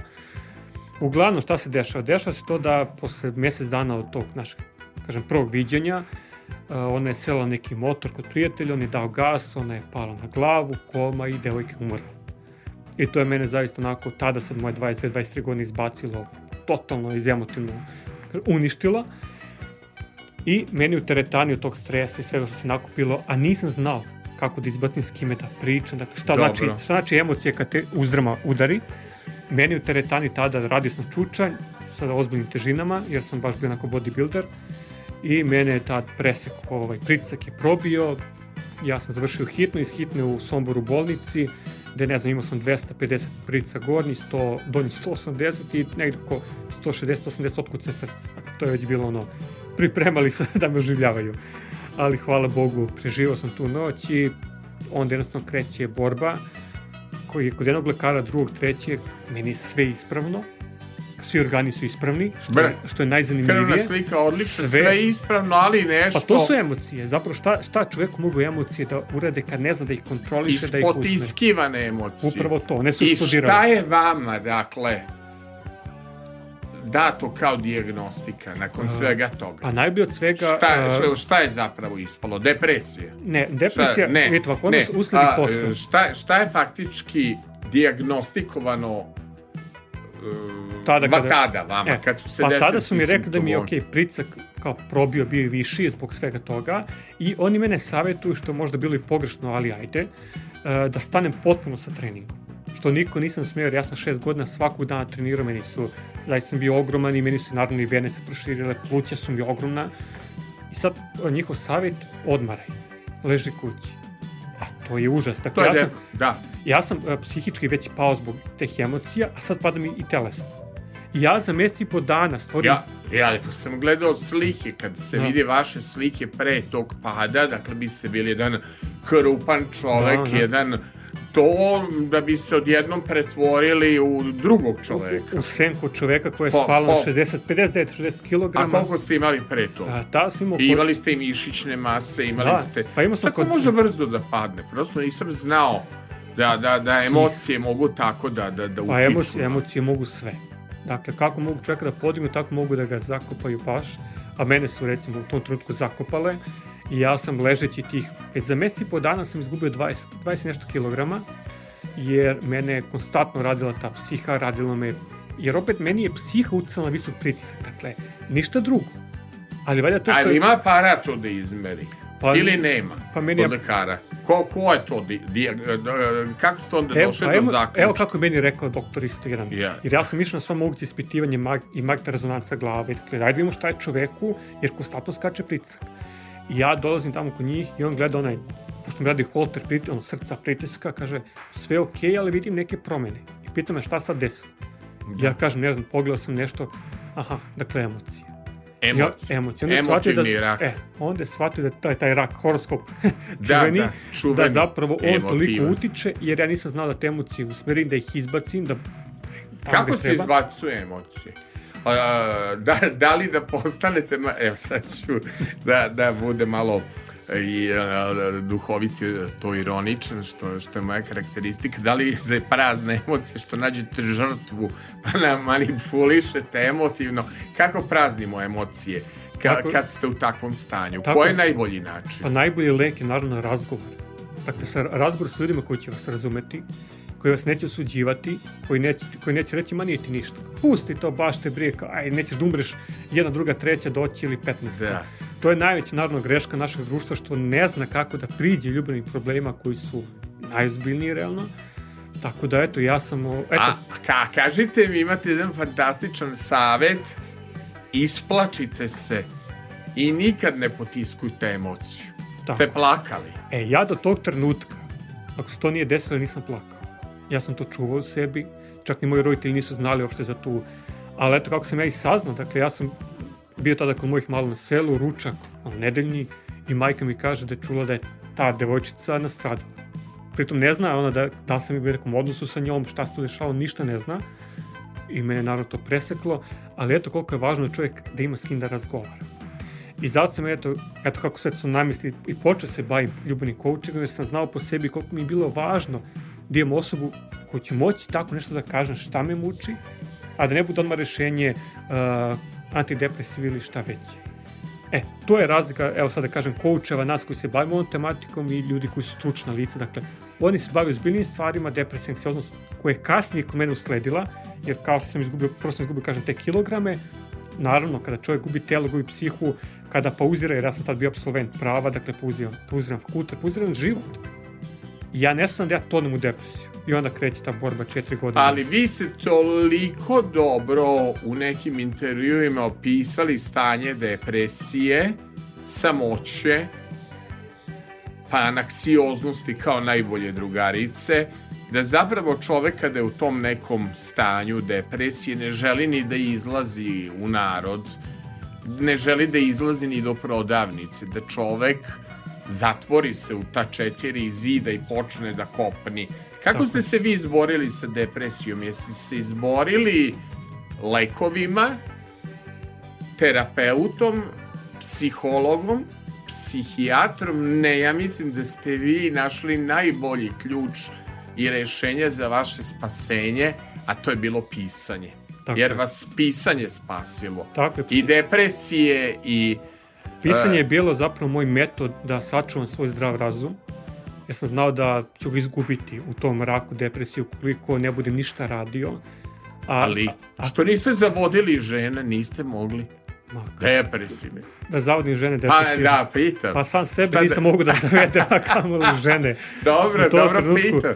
I ovaj, dakle, kažem, pisanje je bilo moj metod, ali naravno, a, prosto sam krenuo se suočan sa svojim strahovima koje depresija stvara, dakle napadi panike, gde sam ponovo krenuo da trčim, jer rekao sam sebi, dakle, bio si na sve moguće preglede i video si da ti je telo zdravo, srce ti je zdravo, mozak, dakle, ne može ti ništa biti ako trčiš, ako ti ne krene napad panike, bori se. Ja sam tako krenuo, dakle ja sam krenuo da se vraćam svom životu od ranije ponovo fakultet, vratio se fakultetu, ponovo gradu, dakle sa sela ponovo u grad i nije mi bilo lako. Dakle ja se sećam kada sam počeo da stažiram u sudu, jer to je bilo, kažem, poslednji trzaj depresije 2019. Dobro. 18. 19. gde sam ja otišao da, da jedem ono van jer ja recimo do tada nisam pune četiri godine jeo nigde van svog, svoje kuće, svog stana kakav restoran, kako društvo. Dakle, idemo šetamo po gradu, sport, jer ja igram basket na keju redovno. Posle basketa svi odu negde ruče, jedan kući, otrčim da jedem. Eto, eto, i to je neka ono, zanimljivost. Ali taj posljednji trz je bilo upravo to da sam na silu otišao u pauzi posla, jer sam znao, ako ne budeš jeo, nećeš moći da radiš sve što treba da radiš, idi jedi na silu. Ja sam uzao malu krofnicu, sećam se, najmanju sam tražio tamo u pekari, ja sam nju gledao onako kod da, ne znam, kod da gledam planinu, polako krećem da jedan znoj curi sa mene i u tom trenutku se pojavlja moja koleginica prijateljica, seda kao šta ti je, preko ništa, ništa i razgovor sa njom, no ne znam čemu, meni misli skrenu, ja to pojedem, tu, tu planinu sam pojeo i, o, i tako je bio taj izlazak, kažem, to je poslednja faza, ali kažem, razgovor ljudi jako važan. Znači, uspeli ste da zaključimo. Bez terapeuta, Tako. bez psihologa, zahvaljujući kreativnosti da pobedite depresiju, I počeli želji, da. ste da pišete, krenuli ste na društvene mreže, krenuli ste da pišete na Twitteru, odjednom pojavilo se spasenje i u vidu nekog publiciteta i Tako je. neke prisutnosti, odjednom se otvorila vrata, druga da. neka energija i na kraju završili ste fakultet, radite i u advokatskoj Tako je. kancelariji, jel tako? Tako je. I faktički da možemo da kažemo da su vas mreže spasle. Šta vas je spasilo? Mreže, pisanje, kreativnost.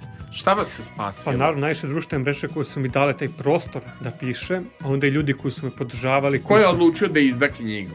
A, prvu knjigu izdala izdavačka kuća Alma iz Beograda, a druge dve, znači Ženo saberi se i roman Mora kako bude želim, a, Nova poetika. Ja to sve zahvaljujući opet društvenim mrežama. Jer su vam društvene mreže, šta vam je dalo vetar u leđa da završite pravni fakultet i da izađete iz depresije? Šta vas je podiglo?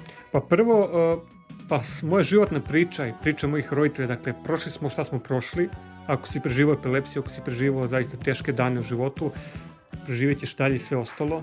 Prosto čovjek mora da odluči će da živi ili će da umire. A ja sam rekao da sam, sam sebi rekao, ok, preživio si mlad čoveče da bi... Koliko godina vi imate, čoveče? Sad imam, evo, 32 u julu, punim 33. 33. Isuse. Izgledate starije na televiziji, ali valjda je to neko i životno iskustvo i mnogo ste čitali, jel tako? Mnogo, mnogo saznavali Čitao ljude, čitao i, o, i ovaj i koji je zapravo savet sad kad bi ponovo trebalo da upisujete fakultet, jel bi vi upisali pravni fakultet ponovo ili bi upisali nešto drugo? Evo sada, da imate 18 godina. Iskreno ne bih upisivao pravo, uh, a mislim, ali opet, to je neko drugo vreme. Prosto vremena se menjaju. Znam da tim se menjaju vremena, nego me interesuje sada e, da ste Sada u bih- mladiđim godinama, da imate 18, a da vam je ova pamet. Šta bi uradili sada? Šta bi, jel bi upisali fakultet, jel bi otišli u influencera, u, bavili se nekim praktičnim poslom? Čime bi se bavili sada da ste završili srednju školu, da vam je ova pamet, a manje godina? Svako bi se bavio društvenim mrežama i tim, kažem, poslom, jer to jeste sada postao posao mnogima, je te društvene mreže otvaraju vrata, razna vrata otvaraju i, kažem, i zaradu pogotovo.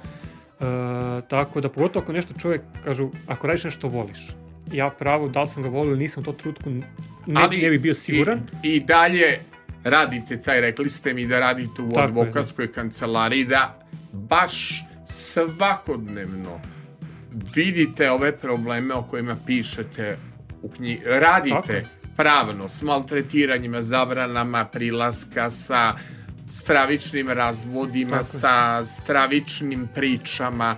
Prosto i u advokatskoj kancelariji može da se napiše neki roman šta čovek vidi u životu, Naravno. koliko je život, da kažem, komplikovan na neki način. Znači, izabrali bi ipak neki drugi put, da sad Drugi imate put, 18 godina. Pa, pa evo, meni je... Mislim, ovaj- da li je sad fakultet garancija za sreću i za uspeh ili nije? Ne, ne. Fakultet već... Da li, da li garancija kako se snađaš u novim vremenima? Znate, naravno, snalažljivost je broj jedan za život. Dakle, može čovjek da ima 20 diploma, da ne bude snalažljiv, da ne zna prvo da komunicira sa ljudima i da otvara ta neka vrata. Dakle, diploma će ti otvoriti možda neka vrata, ali neka važnija će ti razgovor, komunikacija sa ljudima. E, svako bi ljudima, deci, to je mlađi, preporučio da prate naravno svoje želje, svoje snove i svoje talente. Neko smo te talente mnogi zapostavili, mnogi nisu njih možda ni otkrili, nisu se previše bavili njima. Ja sam, zahvaljujući baš društvenim mrežama, otkrio da je talent znam da pišem. Ja sam u srednjoj školi bio jako loš iz srpskog jezika.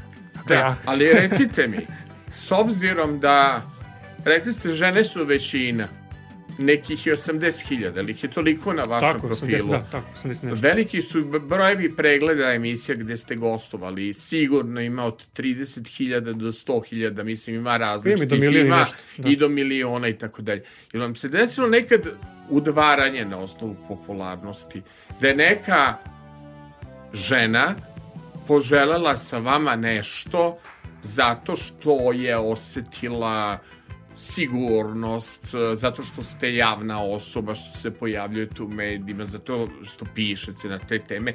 Da li ste imali emotivnu, nepristojnu ponudu, a konto onoga čime se bavite? Da li je neko u vama tražio luku sigurnosti i vi ste rekli ne, sestro slatka ideš pogrešnim putem? Je li bilo takvih ponuda? Ne, rekao sam ideš, ideš odličnim putem.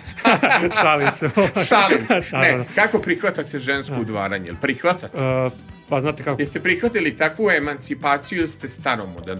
Pošto ste mi dosta Pa staromodan. ne, nisam baš, Da, da, pa sad, nisam Čovek baš- iz 18. veka. Da. Protiv Okej. prevare, protiv ljubavnice, znači šta čuh u ovoj emisiji, Ma, glava me strašno, zabolela. strašno. Totalno ste suprotni od svih mojih što pre gostiju. neku ljubavnicu ste doveli da rešimo balans. Ali, kažite vi meni, uh, da, je se desilo Da, nekad, ne, dešavalo se. nekad ljubavna ponuda? Pa dešava se redovno, dakle, I to...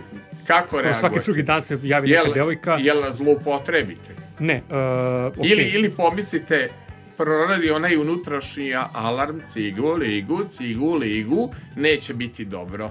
Pa- Proradi intuicija. Uh, nekad naravno proradi, nekad ne. Uh, neću reći da nisam bio sa tim ženom, naravno bilo tu neki devojaka s kojima sam bio. jer- A bilo je, Naravno, pa dešavalo se ajmo malo kada- trenutak istine bez poligrafa. Pa naravno, jeste. A ovo je bilo, jeste, e, ali, ali nije trajalo ili je bilo lepo? uh, pa upravo zato što taj te utjecaj društvenih mreža i tih komentara, jer recimo ne mogu mnogi da se nose sa time da mene prati 80.000 žena, da Kako? meni žene... Ljubomorne, pa Pa šta da to, rade? dakle, Pa da. a- Ulivate sigurnost tolikim ženama, mora da bude Pa ljubomorna. da, ali, kažem, mnogi žene ne mogu da se nose sa tim brojkama upravo žena, ali bilo naravno i, ne, i nekih ponuda koje su neverovatne.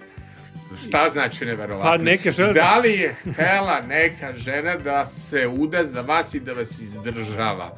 To je fenomenalna ponuda. Kad da A to da ti, kažem, ti budi pametan, a ja ću da ti izdržavam, a ti pa piši dobro, ovako ću knjige. reći, bile, da, bilo Da. svega i bila je neka jedna ponuda, to ne, nikad neću zaboraviti, Dobro, gdje mi je žena nudila zaista sve na dlanu, dobro. da mi reši život potpuno, ali nisam želeo jer ja nisam roba, da me neko kupi ponudom njenom. Šta, šta, šta vam je nudi? Još to je Pa, to lepa ponuda. Bilo je svega, Da, ne, neću šta da vam je bilo nudila? je zaista svega. Da vam reši sve. Šta Pa, znači? Da ne morate sve. da radite. Šta vam Ništa je nema, rešava? sve mi je rešeno, dakle i posao i Ka, sve, sve, koliko sve. godina ima, šta, šta joj fali? Ne. Mislim, a, je li joj fali ovaj, a, mislim, kad je tako lepu ponudu vam dala? Šta joj fali u životu kad je htela da budete roba? Pa fale je ljubav očigledno. Dobro, bila starija, koji- mlađa? Pa starija je bila malo, ne puno, Dobro. starija. Uh, kažem, ostvoren u svakom smislu, osim tom ljubavnom. I da, da I vas falo kupi je- ko robu. Tako je, da. Osjećali ste se kao ova knjiga, ali osjećali ste se kao jabuka na Pa pijaci bezvredan, kupus. zato što kad neko želi da vas kupi, onda šta ste vi? Znači, može neko od Narnije dođe da vas... Jo, znate kupi. koliko njih voli što da se proda? Pa šta su ljubavnice nego prodaje? Super, neka. I svako ima svoj život, svoju odluku, ako oni žele da budu roba, ja... Super, budi roba. Koliko njih ima koji vole da budu roba? Da budu plaćeni. Pa zato što za nešto. ne Kriza je. Pa vi, vi ste mi eto sad pričali sami kako je bolno siromaštvo. Dobro, mnogo smo tema. Načeli je ja bi da čujemo jednu novu pesmu. Melodije Jadrana, bolje nego ikad. E, izuzetno, Jelena Rozga imala predivnu pesmu, ali ja sam odabrao duet, jedan koji se čekao još od pesme Utorak. Nina Badrić i Petar Grašo u uspešenoj pesmi Tončije Vjekoslave Huljić, melodije Jadrana, hit leta po meni i pesma Nemoj. Mnogo lepa ljubavna pesma. Ljubi me, ljubi, pa me probudi. Poslušaj tekst. Ne znam jesam svoj, ne znam jesam tvoj, di sam, di sam Od kad sa tobom nisam Volija bi bit mlađa verzija sebe Pa da mogu znat jel mi misto kraj tebe, kraj tebe? Ili ne? A voli ja sam, samo to znam.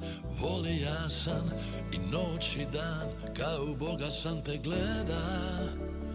I kako sad da te predam? Ne spominji više Buduće i bivše Pusti nekove noći Sve se briše. Nemoj Nemoj, nemoj, nemoj. Da mi srce stane Ne diraj u rane. Noća samo ljubi Ljubi, ljubi me, ljubi. Ujutro se opet U mene zaljubi U mene zaljubi Voljela bi bit mlađa verzija sebe Pa da mogu znat jer mi mjesto kraj tebe, kraj tebe. Ili ne Voljela sam, samo to znam Voljela sam i noć i dan Ko u Boga ja te gledam. I kako sad da te predam. Ne spominji više Buduće ni biće. Pusti da ove noći Sve se briše Nemoj Nemoj, nemoj, nemoj Da mi srce stane diraju rane Noća samo ljubi Ljubi, ljubi me, ljubi. Ujutro se opet U mene zaljubi.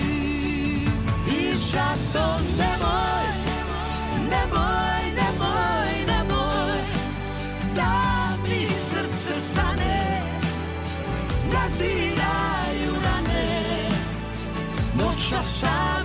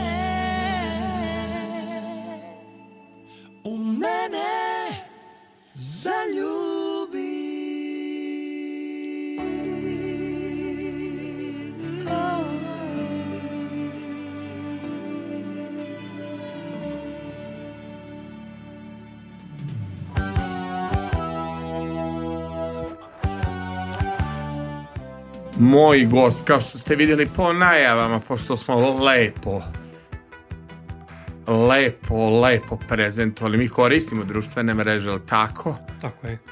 A, gospodine Iliću, koristimo društvene mreže, naše su oružije u prezentovanju svog rada. Nadam se da sam bio dobar fotograf. Jest, odlično. Znači, dobro, vama hvala na uh, lepim najavama, ipak imate toliko pratiteljki. E, o lošim porukama, da ne zaboravimo. Videli ste nešto na TikToku što vam se nije svidelo. I to je tema koju moramo da kažemo. Tako. E, loša poruka kroz društvenu mrežu. Šta ljudi sebi dozvoljavaju sve? Da glume neke stručnjake. Tako je, pa vidite, društvene mreže su dozvolile ljudima da budu sve, ili su možda ljudi sebi dozvolili tim društvenim, društvenim mrežama da budu zaista sve i svašta. Na TikToku, recimo, eto, tu sam malo sad češći jer je algo- algoritam odličan za, kažem, videa koje se kače, vidim razne stručnjake koji se pojavljuju svakog dana, svakog novog dana. Pratio sam i par tih nekih motivacijnih govornika, jer ajde, lepo je čuti neku pozitivnu reč i to podržavam, ali do jedne granice. A to je ta granica kada neki motivacijni govornik kaže kako ljudi koji imaju depresiju, anksioznost ne treba da se obrate psiholozima, psihoterapeutima, nego da se bore isključivo sami, to je samo kao je to u glavi, rešit će. Pa baš zato što je u glavi to se lako ne rešava.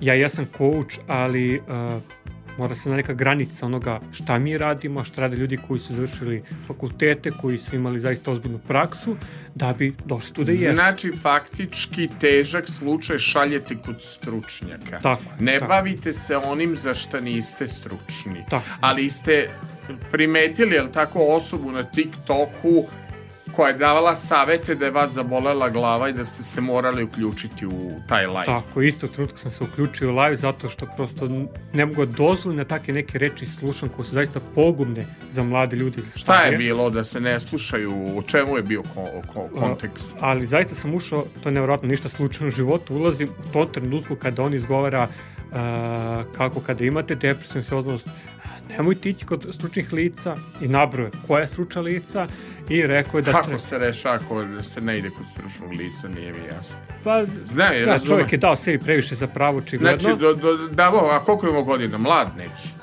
Pa ja mislim da je možda čak i nekih mojih godina Stvarno? malo stariji, čini mi se, uh, ali šta mi je zanimljivo, čita komentare da ga podržavaju da ljudi pišu kako u pravu si uh, psiholozi, psi- psihoterapeuti nemaju pojma i tako dalje i tako dalje. Dakle, to ne treba raditi.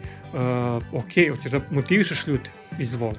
Ja sam za to, treba motivisati ljude, pokretati ih, ali nemoj da zalaziš u nešto što je zaista opasno. Ljudska psiha može poprilično da se naruši i pokvari ukoliko se neko bavi s njom, a nema alate, nije stručan za to.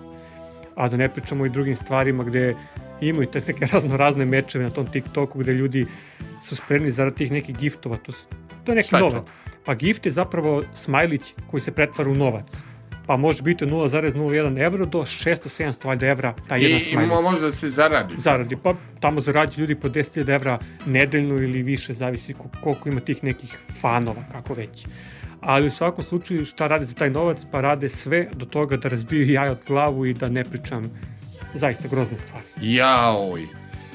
Ima Ružica Čavić jednu pesmu koja kaže, a volimo da se setim i starih nekih pesama, Ružica Čavić, sve ja to poštujem i da si željan slobode. Ajde, volao bi da budete malo i muzički kritičar. Ajde da poslušate ovaj tekst Dragana Brajovića Braje, pa mi opišite kakav bi dali savet Ružica je srećno udata, ali ovo je jedna divna ljubavna priča. Braja mora da je negde čuo. Da čujete tekst.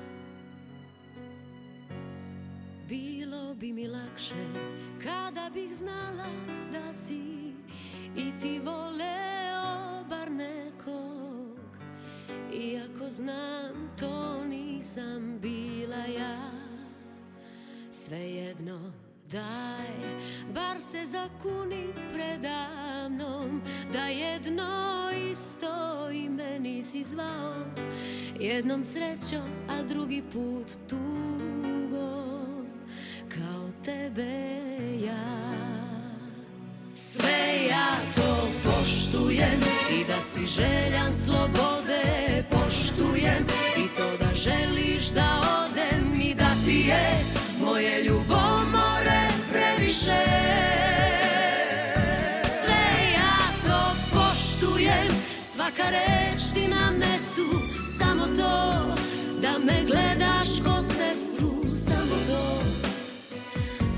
ti ne opraštam.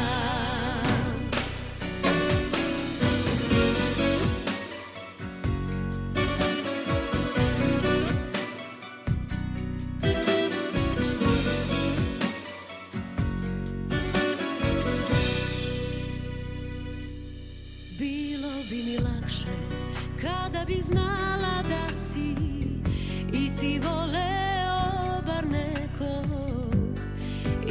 znam to nisam bila ja.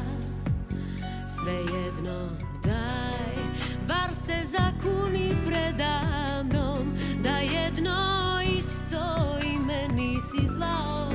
Jednom srećo, a drugi put tugo Kao tebe ja. Sve ja to poštujem I da si željan slobode Poštujem i to da želiš da odem I da ti je moje ljubomore previše. Sve ja to poštujem Svaka reč ti na mestu Samo to da me gledaš ko sestru Samo to to ti ne opraštam Sve ja to poštujem I da si željan slobode Poštujem i to da želiš da odem I da ti je moje ljubomore previše. Sve ja to poštujem Svaka reč ti na mestu Samo to da me gledaš ko sestru Samo to. To ti ne opraštam Sve ja to poštujem Svaka reč ti na mestu samo to Da me gledaš ko sestru Samo to.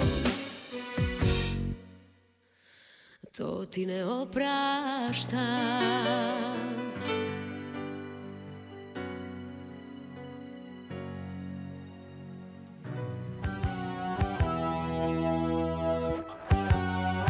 Sve ja to poštujem kako vi radite gospodine Nestore Apiću. Uvek fino uradite balans muzike i tona i zadovoljstvo je sa vama raditi. Doduše bila jedna i opasnost ovde. Voditelj se penjao po stolu ovaj, da napravi dobru fotografiju. Bila opasnost u studiju. Preživjeli smo. Bitno je da budu lepe fotografije. Recite mi ovaj problem Ružice Čavić. Pa to je- Šta poštujete? Jel poštujete njene problem? E, znate kako? Evo, Poštujem, došla je da. Ružica Čavić, evo, obratila se da je nje, ljubomore njene dosta, ali ne može da je gleda ko sestru. Obja, šta bi njoj rekli, ženi, eto sad? Kao žena saberi se. žena saberi se, kratko i jasno. Ženo, saberi Pa se. znate kako, ženama je, žene će skoro sve da, da vam oprosti. Sve što mogu, ali nikad neće oprostiti muškarcu što ih nije volao onoliko koliko su na njih. Jel tako? To je upravo onaj, evo, to je lepo Braja i napisao. I veliki pozdrav za njega jer se pratimo je Braja jako dugo i Da. na društvenim mrežama. Braja je izvanredan Braja čovek, super, super sjajan lik za društvene mreže. Tako je. Ovaj, e, istinita je pesma. Jeste. E, Ona ne želi da je, da je gleda ko sestru. To uvreda za ženu. Kako Kad bi nije? vas neko gledao samo kao druga ili kao Pa, brata, pa, kako bi se vi osjećali? Pa isto. Ili kad bi vas gledao kao life coach, kako bi se vi osjećali u životu? Pa Aman isto, bi naravno. rekli, ženo saberi se. Tako, pa mislim kao Vojislave saberi se. Vojislave meni ne saberi bi bilo lako sigurno jer a, prosto čovjek se uvijek nada nečemu, nada se nečemu najboljem, nada se nekoj ženi, nekom muškarcu i onda kada ta nada bude uzaludna, kada nas svedu na taj nivo brata ili sestre, kako se ovde kaže, onda to nam je onako baš nije lako prihvatiti. Dobro. Jeste vi za bolji razvod nego za loš brak? Jeste za rastanke? Ili ne volite rastanke? Pa rastanke naravno niko ne voli, ali postoje ti zdravi rastanci, to su ti neki točni brakovi veze, gde je mnogo bolje da se stave tačke nego zarezi u nedogled i da nikad ne bude kraja toj priči. Koliko je ljubav bitna? Ili ljubav važnija od para? Naravno, poljubav je sve. Stalno ste mi ovde izjavljivali da nećete da budete roba. Vrlo ste strogi prema tim trgovinskim odnosima. Pa baš zato što sam prošao, evo, kad smo pričali o nekom životnoj priči i tom siromaštvu, da nije bilo te ljubavi u mojoj porodici, ne bismo mi to sve izgurali. Da. Mi smo mogli da imamo sav, sav novac ovog sveta, ali da nije bilo ljubavi, da je bilo haosa i ludila, samo bi se razbolili svi više i ne bismo se izvukli iz, iz tog mraka. Jasno. Tako da to je, eto, jednostavan primjer iz svog života da ljubav zaista pobeđuje mnogo toga. Puno hvala što ste bili moj gost, meni je brzo proletelo. Vojislav, znači bez je Ilić je bio moj uh, gost, gentleman sa Twittera, njegov Instagram, Facebook, Twitter nalog, mogo bi se da bude gentleman i sa TikToka, ali on je gentleman sa Twittera, zaista ste bili mm, lekoviti u ovoj emisiji, hvala vam puno. Hvala što puno ste pozivu. bili moj gost, molim vas podelite link što više, jer ako podelite nekim divnim ljudima, nekim divnim ženama, ja ću opet imati lekovite ljude, a raditi posao koji voliš i raditi sa lekovitim ljudima, sa ljudima koji ti se ne penju po džigerici, a, je jedno veliko bogatstvo. Bogat je čovek koji radi ono što voli. Ja mislim da je to. Puno vam hvala, ovo je bio dakle gentleman uh, sa Twittera, vi žene saberite se. A uh, za kraj ide Jelena Tomašević i kad ne bude tvoje ljubavi. Do slušanja.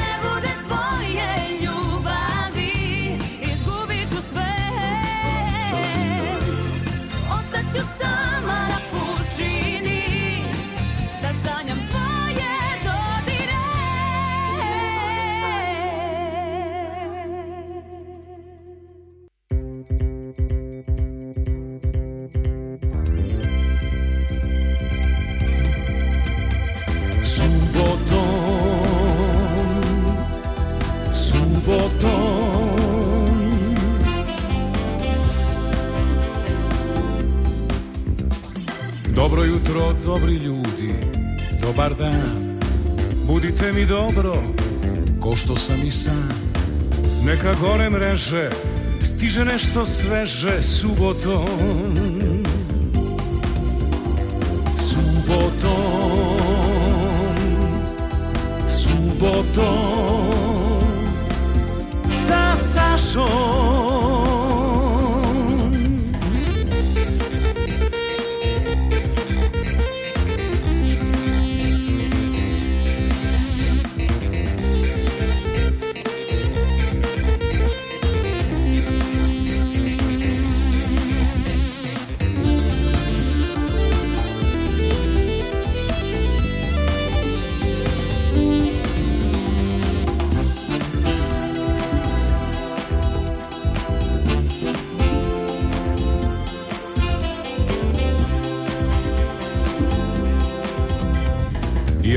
čekam na početku vikenda. Da me budi samo prava muzika. Bez stresa skandala Samo dobra šala subotom. Subotom. Subotom. Sa Sašom.